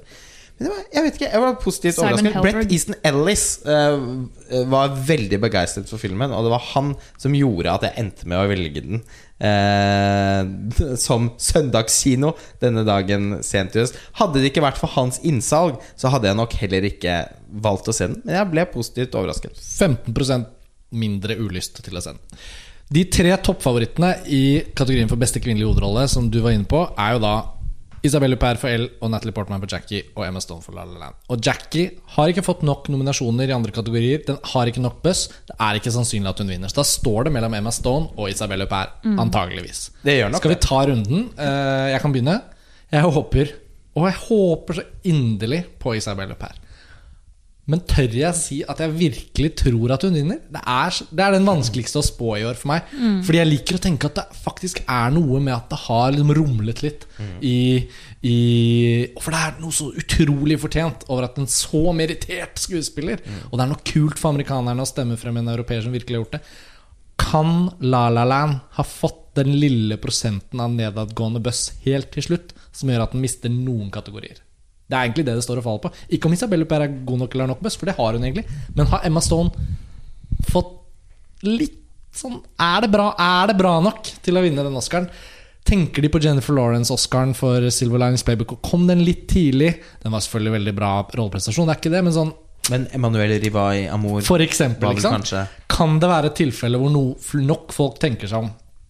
Jeg syns det er utrolig vanskelig, så jeg velger å tro på Isabella Huppert også. Det er bold og Ja, veldig kult. Ja, jeg Eh, vinner jo aldri disse tippekonkurransene likevel. Til tross for hvor mye jeg virkelig elsker Emma Stone i La La Land, så er det jo ingen tvil om at La La Land kommer til å gå ut som en stor vinner uansett, og få veldig mye praise og masse oppmerksomhet, hvor mye av den er fortjent. Men her håper jeg virkelig på Isabel Luper, fordi jeg virker Åh, L bare slo meg i bakken. Og det er virkelig sånn når vi snakker om overtid og at det er på tide. Eh, er det Isabel Huppert sin, sin tur til å vinne Oscar? Ja, det er det. Kommer Emma Stone til å få veldig veldig, veldig mange flere sjanser? Ja. Ikke sant? Kan man ikke vente? Hun er så Sånn, jeg håper folk tenker sånn når de Ja, stemmer. og, Hun, hun har et helt liv foran seg med Oscar. man, altså, fordi mange har jo sammenlignet dette scenarioet med f.eks. Emanuel Rivada. Det er ikke helt sammenlignbart. Emanuel Rivada er en skuespiller nesten ingen har et nært forhold til. Altså, Hiroshima heller ikke gjort så mange roller, faktisk. Nei. Altså, hun er på en Altså, måte Rest in Peace, nå har hun akkurat ja, men ikonisk sånn, ikonisk for Hiroshima Mon Amour. Og så gjorde hun en helt utrolig rolleprestasjon som hun burde ha vunnet for i Amor. Men eh, det var ikke naturlig å tenke at så mange av skuespillerne som stemte, eller i ak- akademiet, hadde henne liksom som, som noen de hadde et tett forhold til. Isabel Huppert er en, altså en legende. Eh, hun er en skuespiller som jeg tror veldig mange, også av de amerikanske skuespillerne, ser veldig opp til. Eh, og hun har aldri vært nominert tidligere. Og sannsynligvis fordi hun har spilt også Mange av de mest kritikerroste og minneverdige rollepresentasjonene hennes har vært i filmer som Oscar-akademiet ikke vil ta i med tang. Og det ville de jo egentlig Det burde de jo ikke gjort med L heller. Eh, så drøy eh, som den er. Men når det en gang har blitt sånn, og når jeg tror faktisk at det kommer til å bli litt sånn split mellom eh, Natalie Portman og Emma Stone Det kommer til å være en viss fordeling av stemmer der, for jeg tror virkelig at noen er mer imponert over Natalie Portman enn sangen til Emma Stone, på en måte. Og jeg No guts, no glory. Jeg tror at Isabel Huppert vinner. Og så ser jeg det inni hodet mitt nå at det blir Emma Stone. Og jeg sier faen nå. Men uh, jeg er så alltid gjetter, Jeg ender alltid opp med å få så dårlig resultat på Oscar-tippingen uansett. Det er heldigvis sånn at denne podkasten har etablert, ikke etablert en tradisjon hvor vi på en måte kjemper om å få best resultater heller. Nei. Så det blir jo litt sånn Det er ofte ikke oppsiktsvekkende dårlig til å være, for, til å være noen som set, prøver å liksom sette seg såpass mye inn i Oscar-racet som vi gjør. Ja. Så blir ofte resultatene våre veldig dårlige. Tips ikke nødvendigvis følg våre Nei, eh, men tror tror og håper på, uh, på Isabel Og, Huppert. og det bringer oss over til eh, kategorien for beste mannlige hovedrolle. Og her har vi jo også hatt, akkurat som beste kvinnelige birolle Viola Davis har jo vært favoritt fra dag én, og alle tror hun vinner. Og det har på en måte vært sånn i denne kategorien også, nå frem til nylig. De nominerte er Casey Affleck. Store favoritt. Han har vunnet så mye priser for den rolleprestasjonen sin i Manchester by the Sea gjennom vinteren. Han kan snart ikke telle de At han må kjøpe seg et nytt hus for å plassere alle prisene. Andrew Garfield for Hacksaw Ridge. Ryan Gosling for La La Land. Viggo Mortensen for Captain Fantastic. Og da Denzel Washington for Fences. Og Lars Ole, på Screen Actors Guild Award så vant Denzel Washington. Det er den første prisen Casey Affleck ikke har vunnet. Og derfor kommer hva- Denzel Washington til å vinne Ja, men altså, fortell Ta oss inn i denne. Dette, dette er sånn Nå blir det sånn Oscar-politikk og mekanikk. Hva er det som gjør at Denzel Washington nå plutselig har blitt favoritt? Det syns jeg er så merkelig. Jeg det var, og jeg har ikke sett Fences. Du har jo beskrevet den litt nå, Pernille. Jeg fikk jo ikke mer lyst til å se den av din beskrivelse. Og Casey Afflecks rolleprestasjon er sånn Den er jo helt utrolig sterk. ja. Det er en sånn favoritt som man bare vil at skal vinne. Men for, forklar dette med politikken, Lars Ole, rundt sånne ting. Nei, men altså, det er nå en gang sånn at mange av de andre prisene som deles ut, f.eks. Golden Globe, og altså, har ikke noen direkte innvirkning på Oscar, bortsett fra at det kan påvirke nominasjonene. Uh, men eh, utover det så tenk, er det ikke sånn at akademiet tenker nødvendigvis på samme måte. Dette er jo en fagpris. Det er akkurat som Kanonprisen versus Amanda. Ofte sprikende forskjeller. Og når Actors Guild Altså de all medlemmene i akademiet Størsteparten av dem er skuespillere. Når de har valgt å gi prisen til Denzel Washington for Fences, så blir han egentlig automatisk en forhåndsfavoritt. Og, og ikke minst så er det også Tusenvis av medlemmer også i Screen Actors Guild, Når Oscars var so white i fjor, så tror jeg ikke man ikke ville benytte anledningen når det er altså eh, til å Når man kan belønne Viola Davis, når man kan belønne Bray Jenkins for manuset til Moonlight, og eh, Mahershala Ali og Denzel Washington og, ikke sant? Altså, Det kan hende man har lyst til å virkelig gjøre et poeng ut av å, røske opp i den kritthvite historien til Oscar også. Og, så det kan også være en medvirkende faktor. Jeg vet ikke. Denzel Washington er en av de mest karismatiske skuespillerne jeg vet om. Han kan vinne så mange Oscar han vil for min del. Jeg har ikke sett uh, Fences. Jeg, er, jeg klarer hvor- Altså, kan du Hvordan er, Hvordan er han? Eh, Hvordan er han? ja, nei, er han Denzel? Jeg ville bare skyte inn at det kan være en, en liten annen eh, faktor som også kan spille inn på hvorfor Casey Affleck ikke skal vinne. Så nå som vi er inne på et veldig politisk år, Nettopp, så, ja, dette så er det mm. er jo en stor kontrovers rundt disse overgrepsryktene til Casey Affleck. Og jeg skal ikke si at det burde spille inn på hvordan han presterer som skuespiller, men jeg vil tro at det er veldig mange likevel som, som tenker litt ekstra over det og tenker at kanskje ikke han fortjener så utrolig mye praise, fordi at han får lov til å sweepe gjennom disse ryktene. Altså sånn allegedly skal stemme. Uh, og noen vil jo automatisk bry seg om det. I motsetning til Nate Parker, som mistet. Ja. Som, er som en- var ø, nesten forhåndsbestemt som Oscar-vinner Men for de av lytterne som ikke har lest om disse to sakene, så er det jo Nate Parker som skrev og regisserte og spilte hovedrollen i uh, A Birth of a Nation, som var en stor uh, buzz-hit på Sundance i fjor. Han var forventet å bli en stor Oscar-kandidat. Og så kom det for dagen, og det burde jo ikke være så vanskelig å få- kommet for dagen, at han var tiltalt på, da han gikk på college i en voldtektssak. Han ble frifunnet, men det var en reell tiltale. Han sto for retten, etc., etc., etc. Så det er på en måte Og etter det så ombestemte kritikerne seg, som hadde sett ja, som elsket Vi alle elsket filmen i søndag.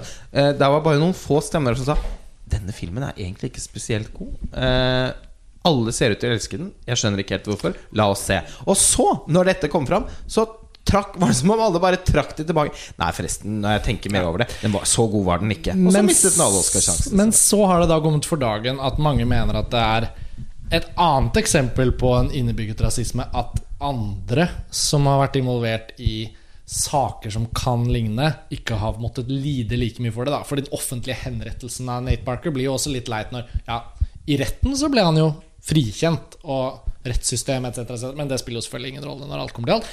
Det skal sies likevel at uh, Casey Affleck har blitt anklaget for uh, Ikke for voldtekt, men for Hva heter det? Oh, Sexual, Sexual harassment. Han, Harassment. Men det han gjorde, var Og- ekstremt stygge ting. Men altså, ja, men altså det, har kommet, det har ikke kommet for dagen i en sånn objektiv uh, rapport. Nei. Sånn at det blir sånn ryktebasert, og han har ikke blitt stilt for retten. Og det har på en måte ikke på noen måte kommet så langt som Nate Parker sin sak. Da. Da, men så blir det sånn Men jeg skjønner hvordan sånn at- folk henger seg opp i det. At Altså, han men- får liksom. Og så liksom glir det over i sånne type debatter som amerikanerne er spesialister på, hvor det blir sånn Ting slenger tilbake, hva er rykter, hva er sånn og sånn, og det blir jo langt bortenfor våre fagområder, og det blir vanskelig å sette seg inn i. Men det kan ha spilt en rolle når vi kommer ned til dette her, om Denzel eller Casey Affleck Ja. tar den Oscaren. For noen så kommer det til å spille Ja. en rolle. De andre nominerte her, da, bare for å skyte inn det, Andrew Garfield i Hacksaw Ridge. For en utrolig bra rolleprestasjon. Ja, den var veldig og jeg hører jo rykter Lars Ole, fra deg Ja. om at han også er utrolig god i Silence. Ja, det er helt Og Andrew eh, Skammelig at han ikke er nominert. For en nydelig den skuespiller også. han er, og måtte han endelig vinne en Oscar en dag, men det blir jo ikke i år. Nei. Eh, og ja, altså, jeg kunne nesten liksom Fordi at han har gjort så to så gode rolleprestasjoner eh, rett etter hverandre, på en måte, Andrew Garfield, både Saxo Ridge og Silent, som han dessverre ikke er nominert for, så er det jo nesten så jeg kunne liksom hatt litt lyst til at han skulle vinne den prisen. Det er jo helt utelukket, da. Men, eh, men jeg må si eh, Jeg har ikke sett Fences, men Denzel Washington har to Oscar-priser fra før av. Og jeg må si at eh, jeg, tror, jeg tror det blir Denzel Washington, men jeg håper på Casey Affleck. Jeg håper på Casey Affleck, for jeg syns det er den beste rolleprestasjonen av disse fem. Med unntak av at jeg da ikke har sett Denzel i Fences. Men jeg må jo ta liksom litt sånn utgangspunkt i hva man har fått høre, og empirien og sånn. Og jeg vet ikke hva jeg skal tenke når det er Når, når oddsen, for å si det sånn, snur så radikalt. Jeg, jeg, jeg tror likevel Casey Affleck tar den, når alt kommer til alt. Men, eh, men eh, ja, dette er jo et close race. Og det jeg hadde gleden av må jeg innrømme etter nominasjonen, var at jeg faktisk satte meg ned og så den Captain Fantastic med Viggo Mortensen. Ikke en så god film. Men han er god. Han er veldig god, og det er jo ingen overraskelse, for Viggo Mortensen er alltid gjør alle filmer han er med i, bedre. Uansett om filmen ikke er så god i utgangspunktet. Den Viola Davis-effekten. Um, eller Viggo Mortensen-effekten. Og han er helt nydelig. nydelig. Virkelig helt fantastisk bra. Og, Så fin i den røde dressen ja, sin. bare, men han gjør Viggo Mortensen, på en måte.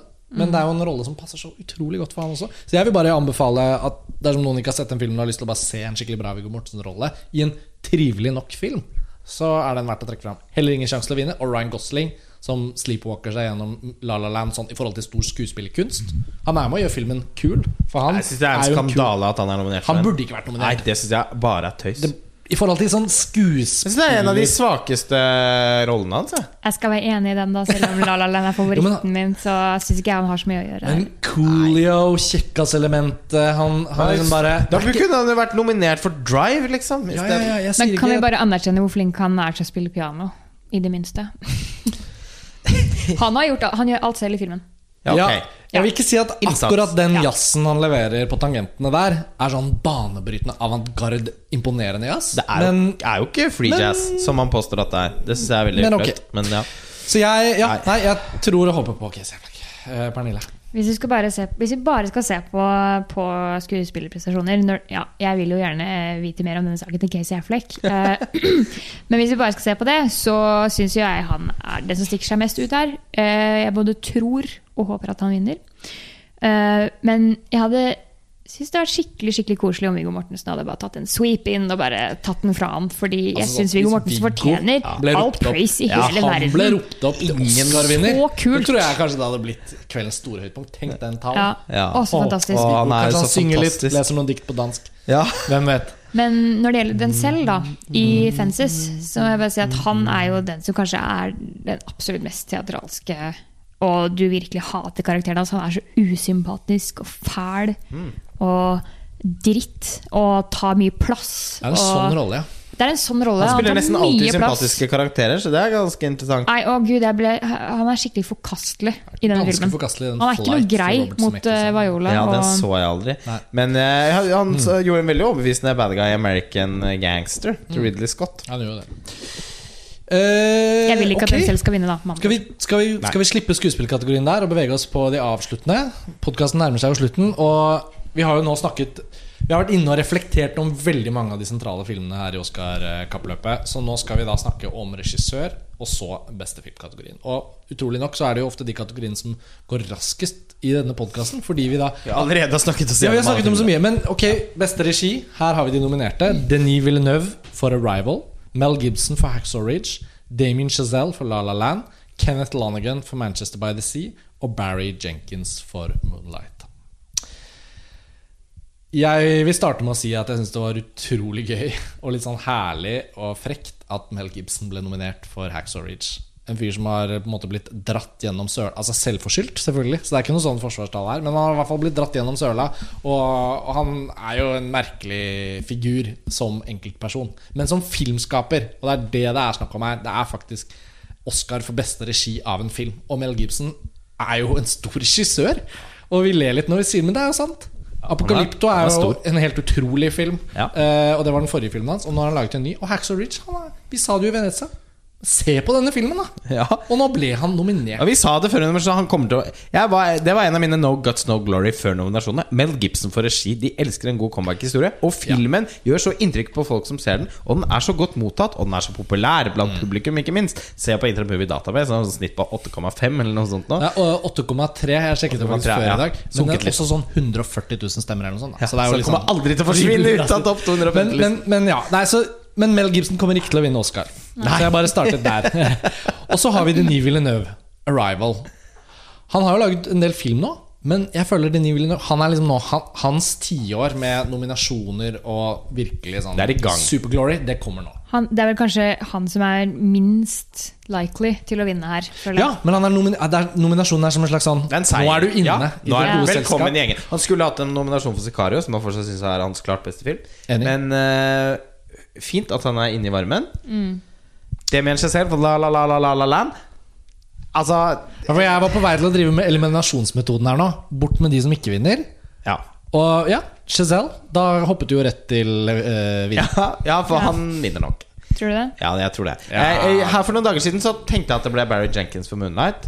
Uh, Det vil være en upset. Hvis, hvis Jenkins tar regi-Oscaren, da tror jeg La La Land mister Oscarer i ganske mange kategorier. men, jeg, men jeg har også begynt å f f tenke på at det kan bli en sånn eh, At det kan bli et sånt uh, spotlight uh, Ja. et, et spotlight 12 Years a Slave Eh, Regi til den ene filmen regi til La La Land og film til Moonlight. Jeg begynte begynt å Eller omvendt. Oi, den veien? Jeg hadde trodd det ville være motsatt. ja. Ja, det Ja, ville det jeg jeg tenkt òg, også fordi da kunne man gitt prisen endelig til en sort filmskaper.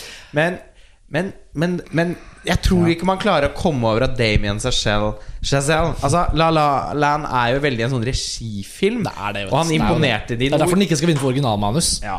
og, og, den Nei, det skal den åpenbart ikke. Men jeg, jeg er helt utrolig at den er nominert. Men jeg tror også han imponerte de veldig med Whiplash. Han vant tre priser, den lille, lille og voldsomt gode filmen. Og han vant Directors Guild Award, og han vant Ja. Golden Globe Award. Det er på en måte det har ikke vært noe brudd med linjen her. Nei.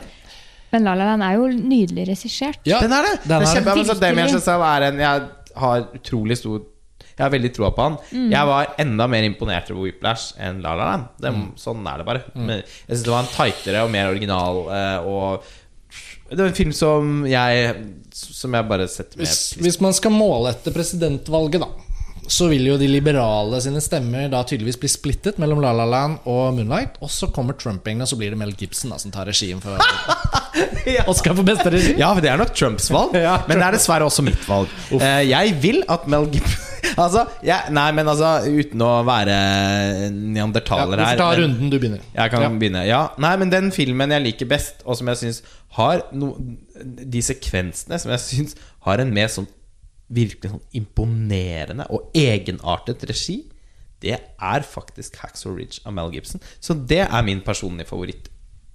Og, eh, men jeg tror eh, Damien Giselle vinner for La La Land.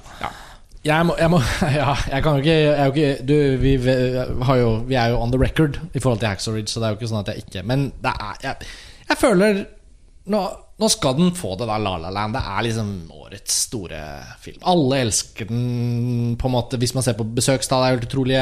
Og det har fått alle liksom, er liksom Regissøren også står jo bak dette. her Det er en original musikal. Jeg syns ikke den skal vinne for originalmanuskript, men det at det liksom ikke er basert på noe annet, at det er hans skapning, da, det fortjener han å få noe for.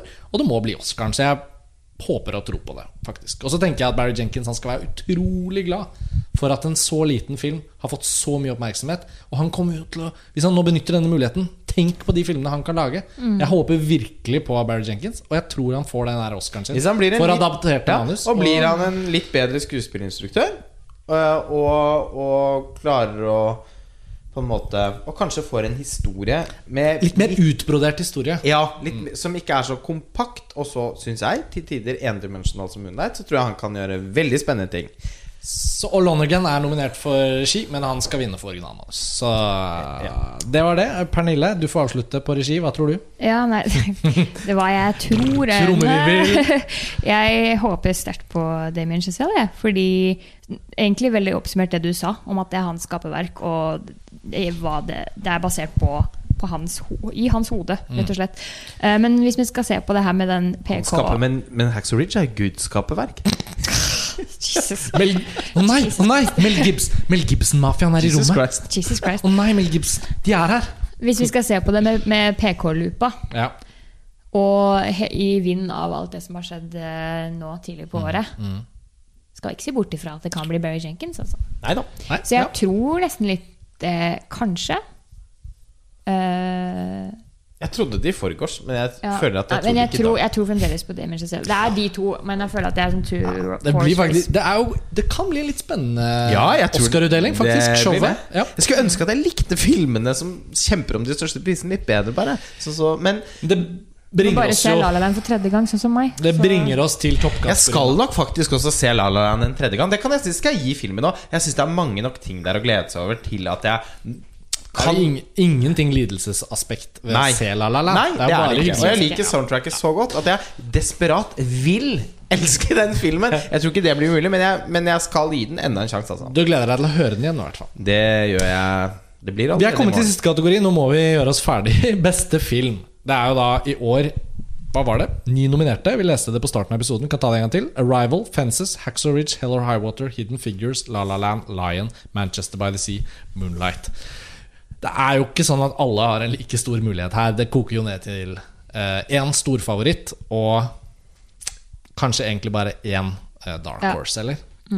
La La Land Når du er nominert til 14 priser, så er du storfavoritt til å vinne prisen for beste film. Det er noe med støtten den også har fra så mange ledd av, av akademiet, da, fagområder etc. etc. Vi må huske på at folk skal stemme fra alle hjørner av filmbransjens forskjellige faggrupper. Og så er det jo Moonlight.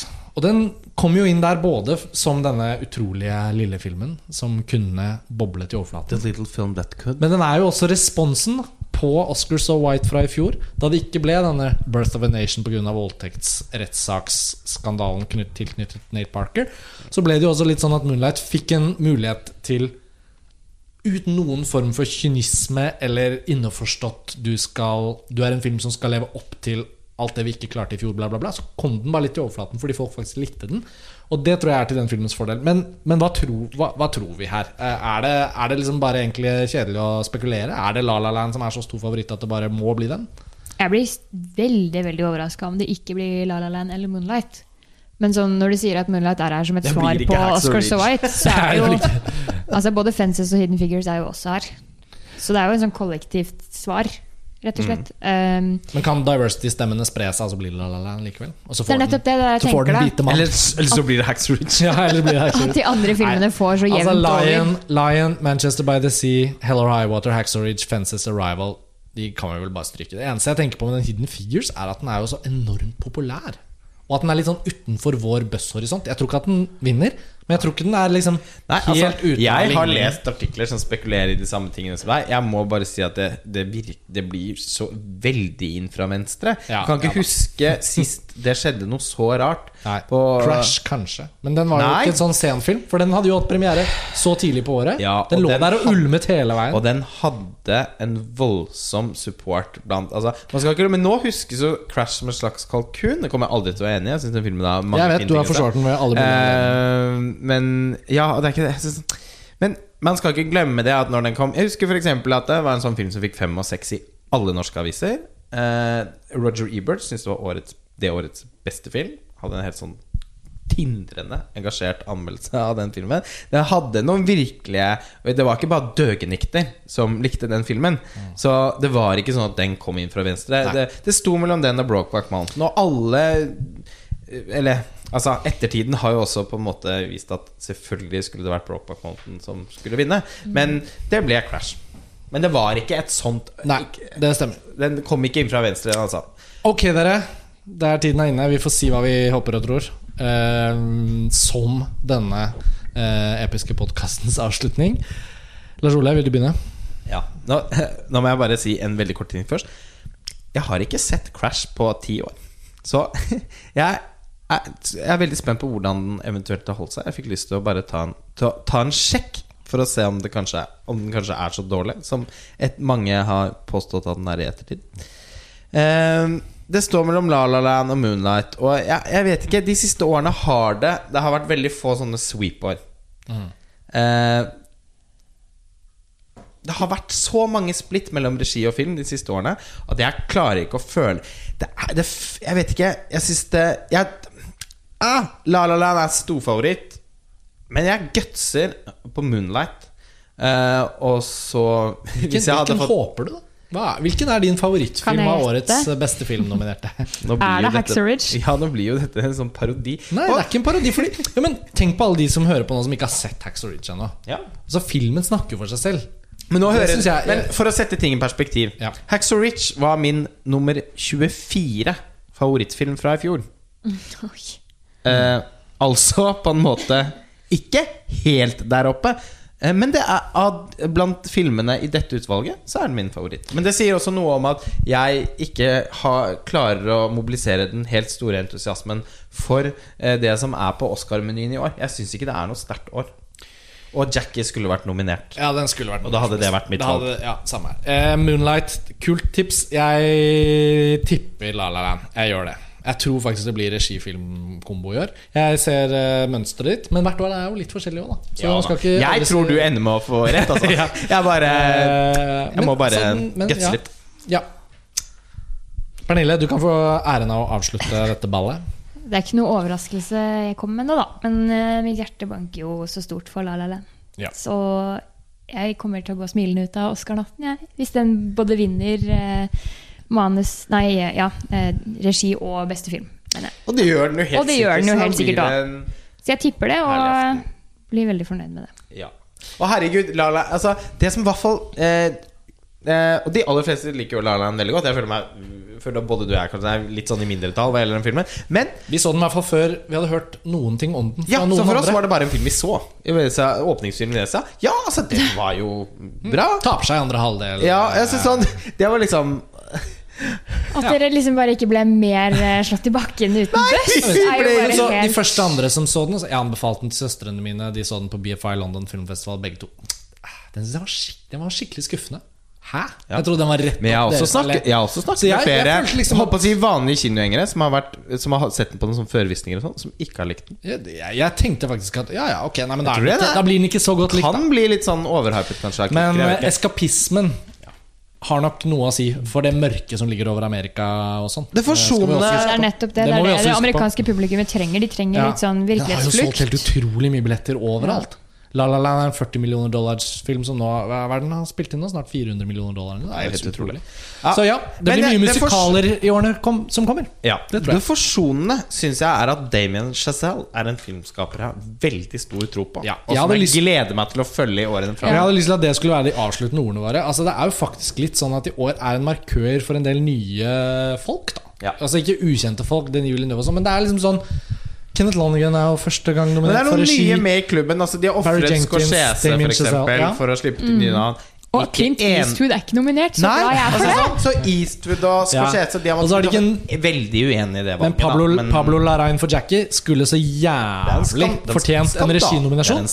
Så jeg syns vi skal glede oss litt over at han eh, At han i hvert fall, med Jackie, har laget sin antageligvis eh, beste film. Eh, Det gjorde ikke noe at Neruda ble utelatt i beste ikke-engelskspråklige film. Nei, det var en stor favoritt for meg. eh, skuffelse for meg. Eh, Nå er vi ferdig. Nå, nå, dette Oscar-året er, eh, er over. For, fordi For mange av lytterne så hører de kanskje disse ordene når selve utdelingen også er over. Så vi får se hvordan det gikk. Eh, Og kom i kommentarfeltene med tanker og innspill både tilknyttet våre tips, men også da resultatene som sikkert foreligger når noen av dere hører på dette. Og la oss høre ble det et bra eller var det et dårlig Oscar-år, eller var det noe på det jevne? Pernille, du er jo fast i Filmfrelst-panelet. Eh, Gledelig å ha deg her enda en gang. Vi gjøres jo veldig snart igjen på podkasten. Lars Ole, det gjelder jo oss også, selvfølgelig. Oscar er over. Det er nesten litt sånn lettelse å være ferdig med podkasten, i hvert fall. Ja, Da blir det gøy å se på showet. For det er et lite maraton. Vi skal se på showet. God Oscar-natt, alle sammen. Takk for at dere hører på Filmfrelst. Så høres vi igjen snart. Ha det bra. Ha det. Ha det.